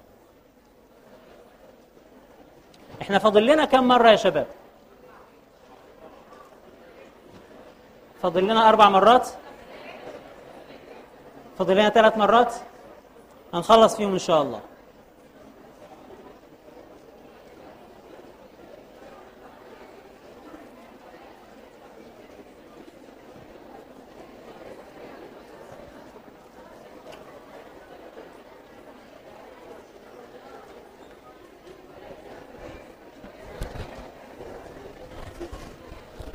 تاني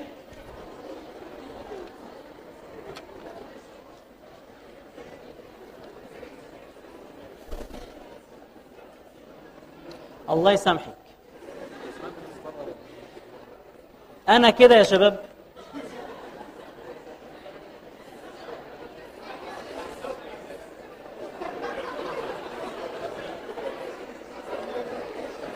إيه؟ ده فانوس. آه الحمد لله اطمنت كده.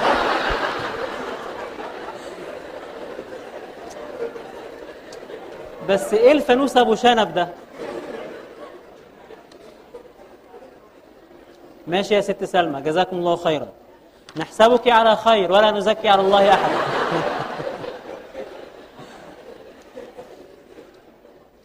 المشكلة إن أنا ما قدرتش أفسرها لأن هي تقريبا عاملة كرشين. ف الحمد لله إنه طلع فانوس. جزاكم الله خيرا. للأسف الجوائز خلصت فمعيش حاجة. ممكن حد يديكي جايزة؟ كلنا واحد يا شباب.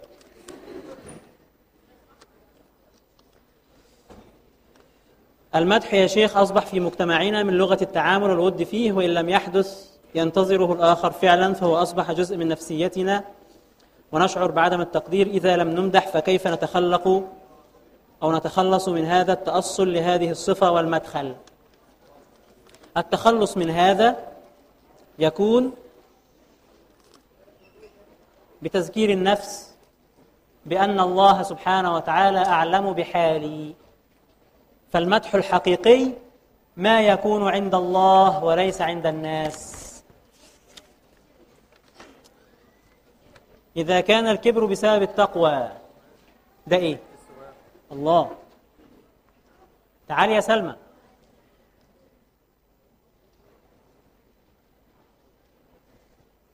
لما تيجي بقى جزاكم الله خيرا. إن كان الكبر بسبب التقوى. إحنا قلنا الكبر بسبب التقوى. خدي عسل.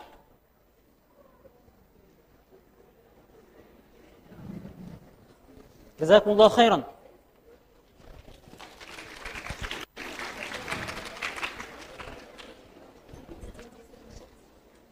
كمان؟ تعالي يا سلمى.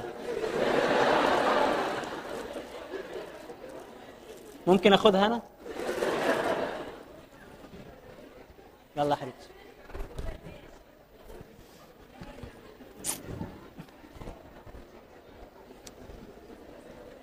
إذا كان الكبر بسبب التقوى الكبر مش بسبب التقوى ما قلناش كده إحنا. أو أن يشعر الإنسان أنه أتقى من إنسان آخر فما هو الحل؟ الحل أن تتذكر ذنوبك. ده الحل. إنك تجمع بين جناحي الخوف والرجاء. إذا كنت فعلا متقي لله يعني فعليك إنك مع تذكرك لأعمالك الصالحة يكون بجوارها تذكرك لأعمالك غير الصالحة.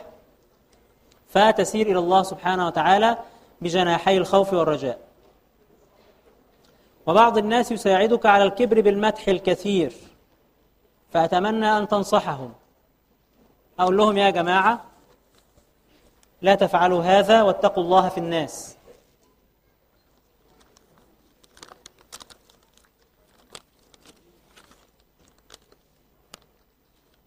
عندما يكون لي حق عند أحد ما ولكنه لا يريد إعطاءه لي إلا عندما أعطيه هو مالا. هل يعتبر ذلك رشوة أم لا؟ إذا كنت لن تصل إلى هذا الحق الذي هو لك إلا بهذه الطريقة دون أن تظلم إنسانا ما يجوز أن تعطيها.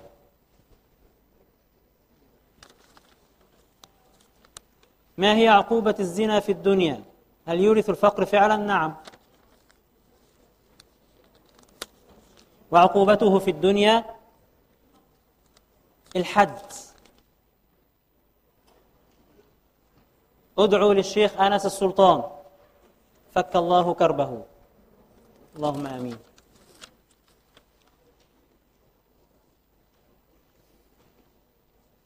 ما معنى اسم الله المتكبر؟ يعني المتعالي. الذي هو فوق خلقه جميعا. الذي هو ليس كأحد من خلقه. هل العالم المتكبر يؤخذ منه علم؟ إذا ما كانش فيه غيره نعم. يبقى ناخد علمه ونترك كبره ونخليه على نفسه. وماذا عن العلوم المتقدمة عند الغرب التي لا تهدي إلى الله؟ هل هذا ليس بعلم حقيقي؟ بل يهدي إلى الله سبحانه وتعالى لكنه يحتاج إلى قلب يعرف الله سبحانه وتعالى حتى يدرك الرابط بين كلام الله وهذه العلوم. كيف يعالج الإنسان الكبر؟ أن يتذكر حقيقة نفسه وذنوبه ويعلم أنه مخلوق ضعيف. هل مداخل الشيطان هي عيوب في النفس يدخل منها الشيطان أم يزرعها الشيطان في الإنسان؟ مداخل الشيطان قلنا هي ثقوب في القلب أو أبواب مفتوحة في قلبك يستغلها الشيطان فيدخل منها.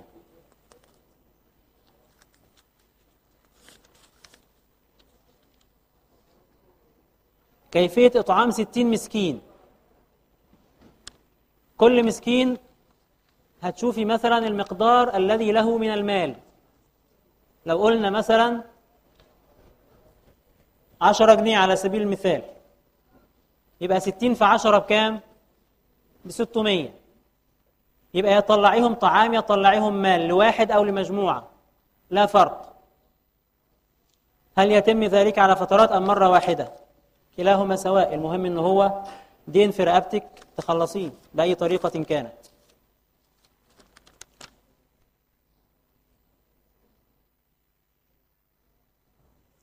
أريد شرح هذا الحديث. قال رسول الله صلى الله عليه وسلم ما من عبد مؤمن إلا وله ذنب يعتاده الفينة بعد الفينة أو ذنب هو مقيم عليه لا يفارقه حتى يفارق الدنيا وهل معنى ذلك أنه لا يوجد أمل من التوبة؟ وهل لا يوجد أمل من التوبة؟ معنى هذا الحديث باختصار إنه نحن لسنا من المعصومين. سيظل حالنا مع الله سبحانه وتعالى يتراوح بين الطاعة والمعصية. طاعة معصية. طاعة معصية. المهم إنك بعد المعصية تحدث توبة. ده المهم. بعد المعصية لا تحدث توبة يبقى أنت كده في خطر.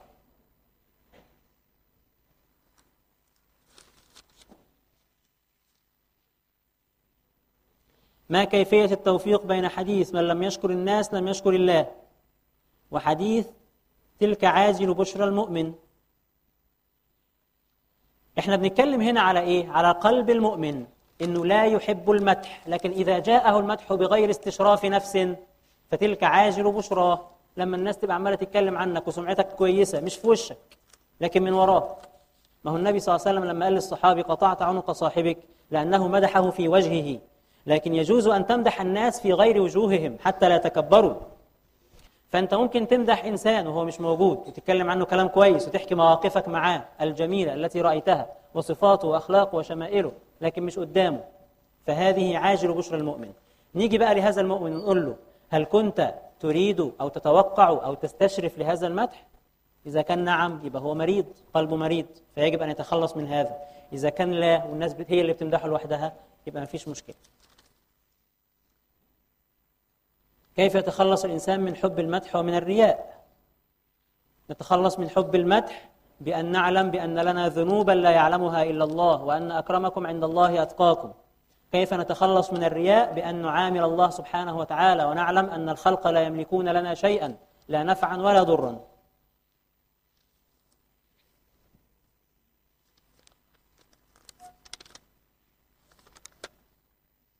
والدي يخرج عنا جميعا زكاة الفطر وأنا معي مال بفضل الله تعالى. هل حضرتك أو حضرتك وهل يجوز إخراجها مالا على مذهب الإمام لو حضرتك مستقل بحياتك وبتصرف على نفسك ووالدك يعلم هذا فإخراجه عنك زيادة. إخراجه عنك زيادة. وحضرتك أيضا يجب أو ينبغي أنك تخرج عن تخرج عن نفسك طالما صرت مستقلا ولك كسب مخصوص. هل يجوز إخراجها مال؟ طبعا يجوز إخراجها مال وعلى هذا الفتوى في ديار المسلمين اليوم لأنها أنفع للفقير.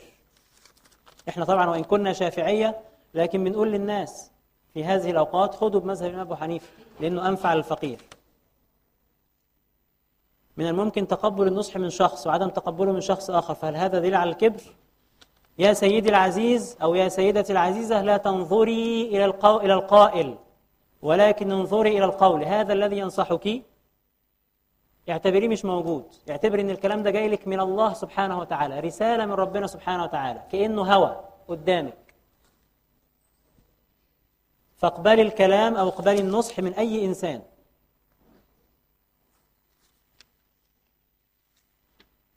أسأل عن الكلام بين الشاب والفتاة لغير ضرورة ولكن بأدب. وهل الهزار المحترم مثل الألش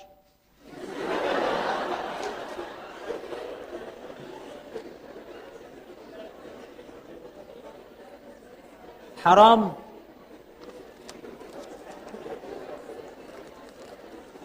لغير ضرورة لا يجوز. لغير ضرورة ولا حاجة. ما بنقولش ضرورة بقى لأن في فرق بين الضرورة والحاجة. في فرق بين الضرورة والحاجة. إيه الفرق بين الضرورة والحاجة؟ ما الفرق بين الضرورة والحاجة؟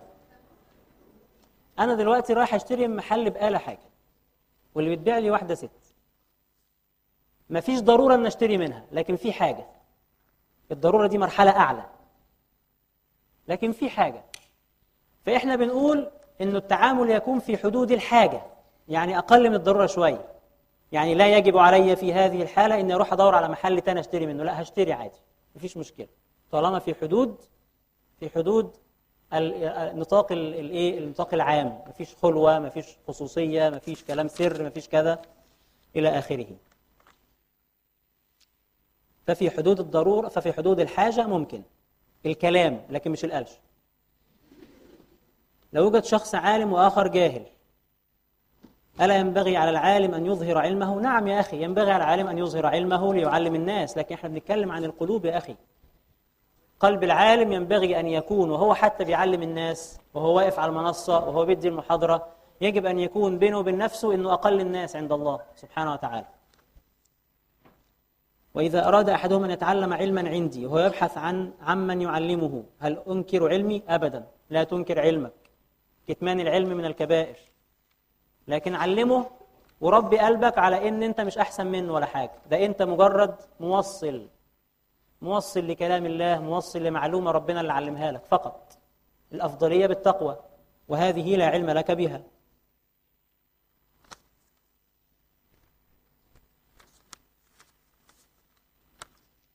كيف أسامح من ظلمني؟ عايز تسامح اللي ظلمك ادعي له. بالهداية بأن ربنا يغفر له. بأي حاجة ادعي له. بما تحب لنفسك فسيرد عليك الملك ويقول ولك مثل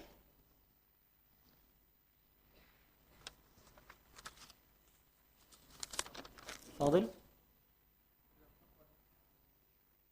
دي إضافة يعني إيه لشدة الظلم. إن لم تقوى النفس على الهداية للظالم لشدة الظلم ماذا أفعل؟ أدعو الله سبحانه وتعالى لي ألا يجعلني ظالما مثله لأن القلوب بين أصبعين من أصابع الرحمن. ولو أنت مكانه الله أعلم هتعمل زيه ولا لأ. فادعو الله أن يجنبك هذه الفتنة. أنا أؤمن بالقضاء والقدر ولكن عندي مشكلة في تصديق أن الدعاء يغير القدر الذي كتبه على الدعاء لا يغير القدر بإطلاق. القدر نوعين أو القضاء نوعين. قضاء معلق وقضاء مبرم. القضاء المعلق هي الأمور أو الحوادث التي ستقع للإنسان مربوطة بأسبابها زي النجاح. لا يكون النجاح إلا مع مذاكرة. فهذا كتب عند الله سبحانه وتعالى مع أسبابه. ده يتغير إذا أخذت بالأسباب. فإذا أخذت بالأسباب هيبقى كذا. إذا ما أخذتش بالأسباب يبقى كذا. ده القضاء الإيه؟ المعلق. معلق على ماذا؟ على الأخذ بالأسباب. ومن الأسباب الدعاء. فالأسباب مش كلها أسباب مادية. آه الأسباب المادية مطلوبة نعم. ومهمة نعم لكن مش لوحدها الموصلة إلى المطلوب. تصل إلى المطلوب أيضا بماذا؟ بسبب اسمه الدعاء. فالدعاء يغير القضاء المعلق على الأسباب. لكن القضاء المبرم زي الأجل فإذا جاء أجلهم لا يستأخرون ساعة ولا يستقدمون هذا لا يتغير. وقوله يمحو الله ما يشاء ويثبت يمحو الله ما يشاء ويثبت وعنده أم الكتاب. تدل والله أعلم على ذنوب فعلناها فيمحوها الله. لا يمحو الله ما يشاء ويثبت معناها مش كده بس معناها أوسع من هذا. ممكن حضرتك أو حضرتك تحضري معانا محاضرات التفسير فتعرفيها. هل إذا كان هناك شخص ظالم وقد ظلم ناس كثيرة وتوفاه الله في رمضان أو هو على صيام أو ما شابه هل ده معناه إن ربنا غفر له كل ذنوبه؟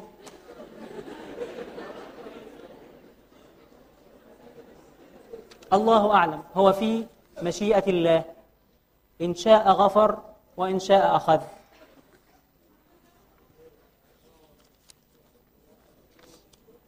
لكن مجرد الموت في الأوقات الفاضلة دي حاجة. دي حاجة جنب حاجات كتير. لا نحكم بها وحدها. أشعر أحيانا كثيرا أنني أعمل العمل الصالح لإرضاء قلبي. ليس رياء ولكن حتى يشعر بالطمأنينة والرضا. لا من أجل إرضاء الله وفقط. طالما الناس خرجوا من قلبك خلاص. دي مرحلة مقبولة لكن أعلى منها أن تفعلي هذا لله سبحانه وتعالى. فهل يستطيع الإنسان التحكم في نية قلبه ويجعله مخلصا لله فكيف يكون ذلك؟ إنك تخرج الناس أو إنك تخرج الناس من قلبك. اعتبر الناس ولا كأنهم موجودين. اعتبرهم هوى. وهل صلاح القلب يؤدي إلى صلاح الجوارح؟ نعم. أم صلاح الجوارح يؤدي إلى صلاح القلب؟ برضو نعم. صلاح القلب يساعد على الاستمرار في الطاعات والثبات على الطاعات. صلاح الجوارح يقوي الإيمان في القلب. إن الإيمان لا يخلق كما يخلق الثوب. فاسألوا الله أن يجدد الإيمان في قلوبكم. السؤال ده عمل إيه؟ عمل اللسان وهو من الجوارح. ففعل الطاعات يزيد الإيمان الذي محله القلب. وكلما زاد الإيمان في القلب زادت الطاعات. فهي عملية دائرية. كل واحدة منهم بتزود الثانية. كل واحدة بتأثر في الأخرى. فلذلك لا يجوز للواحد فينا أن يقول والله أنا قلبي أبيض وخلاص ودعاء الوالدين فمش مهم أصوم ولا أصلي. نقول له لا. ليس هذا هو الطريق. إذا كنت تدعي أن قلبك أبيض فيجب أن تكون أعمالك أيضا بيضاء. مش كده يعني؟ كيف يتخلص الإنسان من الرياء؟ المحاضرة القادمة إن شاء الله هنتكلم عن الرياء كمدخل من مداخل الشيطان. هل حقا لا يغفر ذنب الغيبة إلا إذا سامح من اغتابه؟ لا. إذا اغتبت حد ولم يصله أو لم تصله هذه الغيبة فمش لازم حضرتك تروح تقول له ده أنا اغتبتك فيكرهك أكتر. لا استغفر له فقط. تكفيرها أن تستغفر له وتدعو له. وخلاص على كده. هل يجب ارتداء الحجاب أثناء سجدة التلاوة؟ سجدة التلاوة صلاة. فيشترط فيها ما يشترط في الصلاة. من الطهارة واستقبال القبلة ونحوها عند الشافعية. لو أنا دكتورة علاج طبيعي هل يجوز الشغل على حالات رجال أم لا؟ أو حالات الرجال دي هيبقى فيها لمس. مش كده؟ لا يجوز. إلا إذا كانت هذه الحالة ستموت. ومفيش دكتورة في المدينة غير حضرتك. عندها يجوز للضرورة. والضرورة تقدر بقدرها. يعني إيه تقدر بقدرها؟ يعني نأخذ المقدار الذي به ننقذ حياة هذا الإنسان فقط. هل فدية إفطار الصائم يجب أن تشمل وجبتين؟ لا وجبة واحدة فقط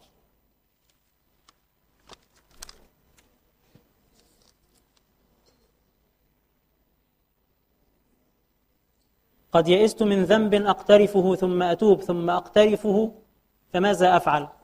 طالما بتتوب يبقى أنت بخير وادعو الله سبحانه وتعالى أن يكرهك في هذا الذنب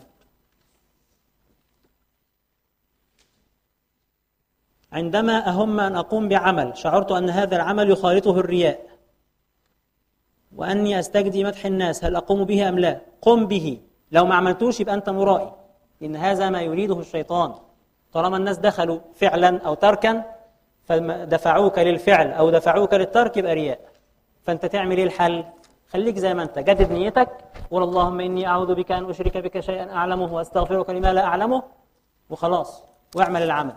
طيب هتدخل العمل وانت لسه الناس في قلبك مش مشكلة. افضل جاهد قلبك وانت بتعمل العمل لكن لا تتوقف عن العمل.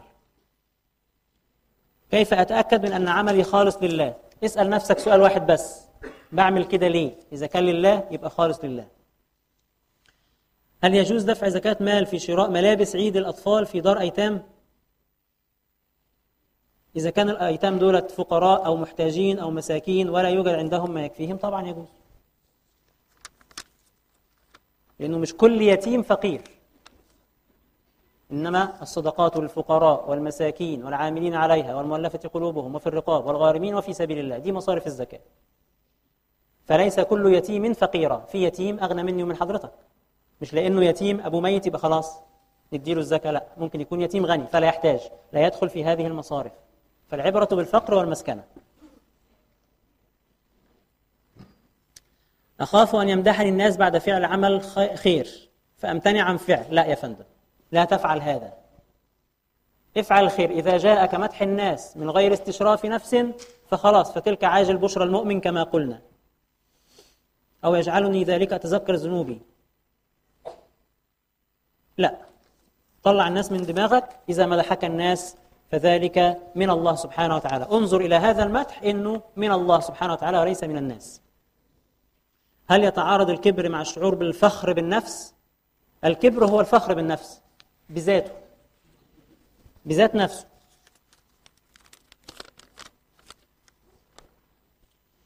أمي تأخذ أموال الصدقات التي تأتي إليها لتخرج لتخرج الفقراء وما تخرج إلى القليل. يعني إيه؟ يعني هل يعني الوالدة بتجمع أموال الصدقات عشان توزعها فبتاخد منها؟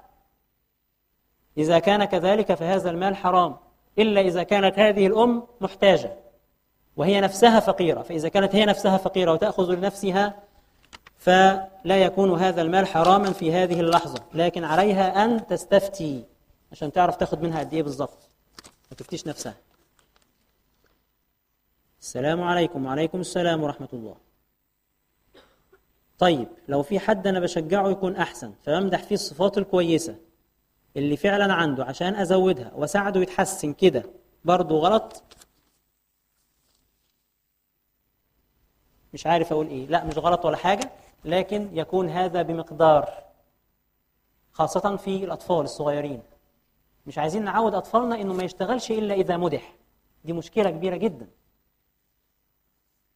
ويشعر بالإحباط إذا ما حدش مدحه. يبقى على طول مستني حد يمدحه مستني الطاقة الإيجابية تجيله من حد من بره. وهذا يكثر في البنات. مع احترام لحضراتكن. تبقى البنت مستنية دايما إن حد يمدحها علشان تندفع للعمل أو علشان يبقى روحها عالية أو علشان بتحسن العمل. لا ما نستناش الطاقة تجيلنا من بره. فهذا يكون بقدر في تربية الأطفال بالذات. ثم بعد ذلك لما يكبر نبدأ نفهمه إنك عامل ربك. أمتنع عن فعل بعض الطاعات جهرا. مثلا نصح الناس ظنا مني أنه رياء لأني بطبعي أحب المدح. لا يا فندم. لا تمتنع عن نصح الناس لأنه لن يكون رياء لأنك يجب عليك كما يجب عليك ألا تكون مرائيا يجب عليك أن تنصح الناس. فأنت تركت واجب من أجل من أجل واجب. كلاهما واجب. فجاهد نفسك على فعل الاثنين. انصح الناس وفي نفس الوقت دايما ذكر نفسك بأنك تفعل ذلك لله سبحانه وتعالى. يعني إزاي المفروض اننا لا نمدح الناس؟ حاضر. وفي نفس الوقت المفروض اننا نشكرهم. وازاي نفرق بين المدح والشكر؟ لما حد بيعمل لك حاجة بتقول له جزاكم الله خيرا. ومن قال لأخيه جزاكم الله خيرا فقد أجزل له العطاء. ده كلام سيدنا النبي صلى الله عليه وسلم فيما معناه. فأنت اللي اللي بيعمل لك حاجة تقول له جزاكم الله خيرا. خلاص أنت شكرته. لكن مش لازم تقول له ده انت احسن انسان. في فرق ولا مفيش فرق؟ في فرق بين الاثنين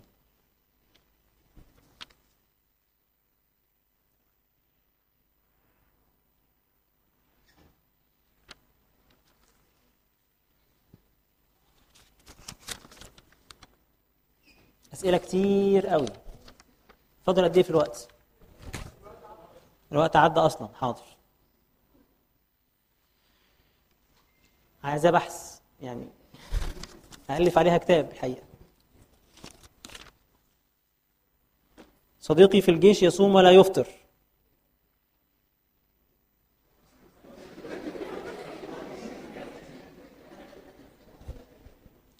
يعني إيه يصوم ولا يفطر؟ ولكنه كان يعني إيه يصوم ولا يفطر يا فندم؟ كويس. غير بقية الناس اللي معاه. قول كده. يصوم ولا يفطر دي معناها إن هو ما شاء الله بياكلش. طيب ولكنه كان على سفر في جيشه وأفطر. طالما على سفر يجوز له الفطر. بس إيه حد السفر؟ من هنا للعباسية مش سفر يقينا. من هنا لمدينة نصر مش سفر. حد السفر هو 83 كيلو عند الشافعية. وأنه في مشروع حرب ما حكمه؟ طالما على سفر يا فندم يبقى يجوز أن يفطر. لا مش على حسب المقدرة. الرخصة منوطة بالسفر وليس بالمشقة. يعني سواء كان السفر هذا فيه مشقة أو ما فيهوش مشقة يعني لو بيسافر على الدرجة الأولى المكيفة في القطر من هنا لإسكندرية. ومش هيتعب خالص. ولو افترضنا إن هذا القطر فيه بانيو فهو قاعد طول الوقت في البانيو. في التكييف. فمش تعبان على الآخر. يجوز له أن يفطر؟ نعم يجوز له أن يفطر. لأن العلة السفر وليس المشقة.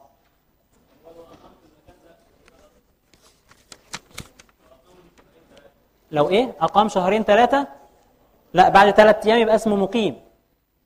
بعد ثلاثة أيام في المكان يبقى اسمه مقيم. ففي اليوم الرابع يجب عليه أن يصوم كبقية الناس. ماشي؟ إلا إذا كان في مشقة شديدة يعني هو في مشروع حرب مثلا. ويجب عليه عشان التدريبات يجري ويروح ويجي وينط ويطلع وينزل فهيموت لو ما أفطرش.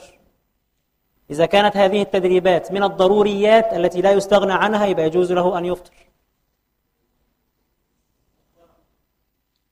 ابتلاني الله بظروف سيئة منذ سنوات ولكني مؤخرا أصبحت ضعيفة وما عدت أتحملها أتحملها وأتحمل قسوتها. أوشكت على الانهيار تحت وطأتها. ماذا أفعل؟ استعيني بالله. استعيني بالله. استعيني بالله. أصبحت شخص كئيب وحزين. الحزن والاكتئاب لا يأتي إلا من كثرة المعاصي والعياذ بالله. أكثر من قراءة القرآن وأكثر من الصلاة على رسول الله صلى الله عليه وسلم. إن شاء الله إن شاء الله إن شاء الله ينشرح صدرك. وأكثر من الجلوس في المساجد. فالجلوس في المساجد ولو لغير طاعة يعني حتى لو هتروح تفتح الفيس وتطمن على أصحابك يشرح الصدر ما المشكلة في أن تكون لي صفة من صفات الله عز وجل؟ أليس الله كريم؟ نعم. نحن نفرق في صفات الله سبحانه وتعالى بين صفات الجلال وصفات الجمال وصفات الكمال. فصفات الجلال كالجبار المتكبر القاهر. هذه لا يجب أن يتصف بها إنسان لأنها خاصة بالله سبحانه وتعالى. أما صفات الجمال زي العفو والمغفرة والكرم والجود كلها دي صفات جمال نحن أمرنا أن نتخلق بها. فما فيش مشكلة ولا حاجة لكن في صفات الجمال وليس في صفات الجلال. ده إيه ده؟ هو أنت زي القمر كده ليه؟ شكرا. أكيد الأخت اللي رسمتني يعني مش حد تاني. لماذا خلق الله لنا نفوسا ضعيفة بالإضافة إلى وجود الشيطان والفتن ليختبرنا في شيء هو يعرف نتيجته مسبقا؟ العلم صفة غير مؤثرة. العلم صفة غير مؤثرة. يعني إيه العلم صفة غير مؤثرة؟ يعني التأثير في صفات الله عز وجل للقدرة وليس للعلم كالأستاذ الذي يفعل أو الذي يقوم باختبار لطلابه. فالأستاذ عندما يقوم بهذا الاختبار يعلم يقينا أن بعض الطلاب هينجح وبعضهم هيرسب فهل هذا الاختبار وهذا الأستاذ هو الذي جعل البعض يرسب؟ أبدا. ليه؟ لأن هذا الاختبار كان كاشفا. كاشفا لماذا؟ لصفات هذا الطالب الذي لم يذاكر. فنفس الكلام. علم الله سبحانه وتعالى بالنسبة لنا صفة كشف. وليست صفة مؤثرة. ومن الآخر كده ما تفكرش في صفات الله. فكر في صفاتك. هل أنت وأنت قايم تصلي أو أنت رايح تزكي أو أنت عايز تعامل الناس كويس؟ شكرا يا أختنا.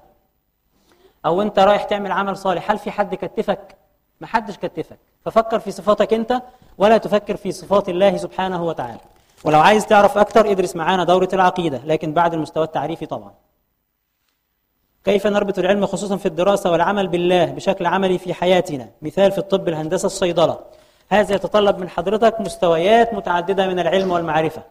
منها إنك مثلا تدرس فلسفة العلوم. لما تدرس فلسفة العلوم هتعلم إنه العلوم الإسلامية ينبغي أن تكون دائرة أو وفق مركزية الوحي. إزاي بقى تعمل دوت؟ دي محتاجة من حضرتك تفكير كتير وقراءة كتيرة وربنا يفتح عليك وتؤسس لنا هذه العلوم تأسيسا جديدا وفقا لمركزية الوحي. ثم بعد ذلك تنظر إلى هذه العلوم على مستوى الجزئيات وتحاول أن تربطها بالله سبحانه وتعالى. كفاية كده بقى ولا إيه؟ الساعة كام؟ طيب نكتفي بهذا. جزاكم الله خيرا. سبحانك اللهم وبحمدك. نشهد أن لا إله إلا أنت. نستغفرك ونتوب إليك.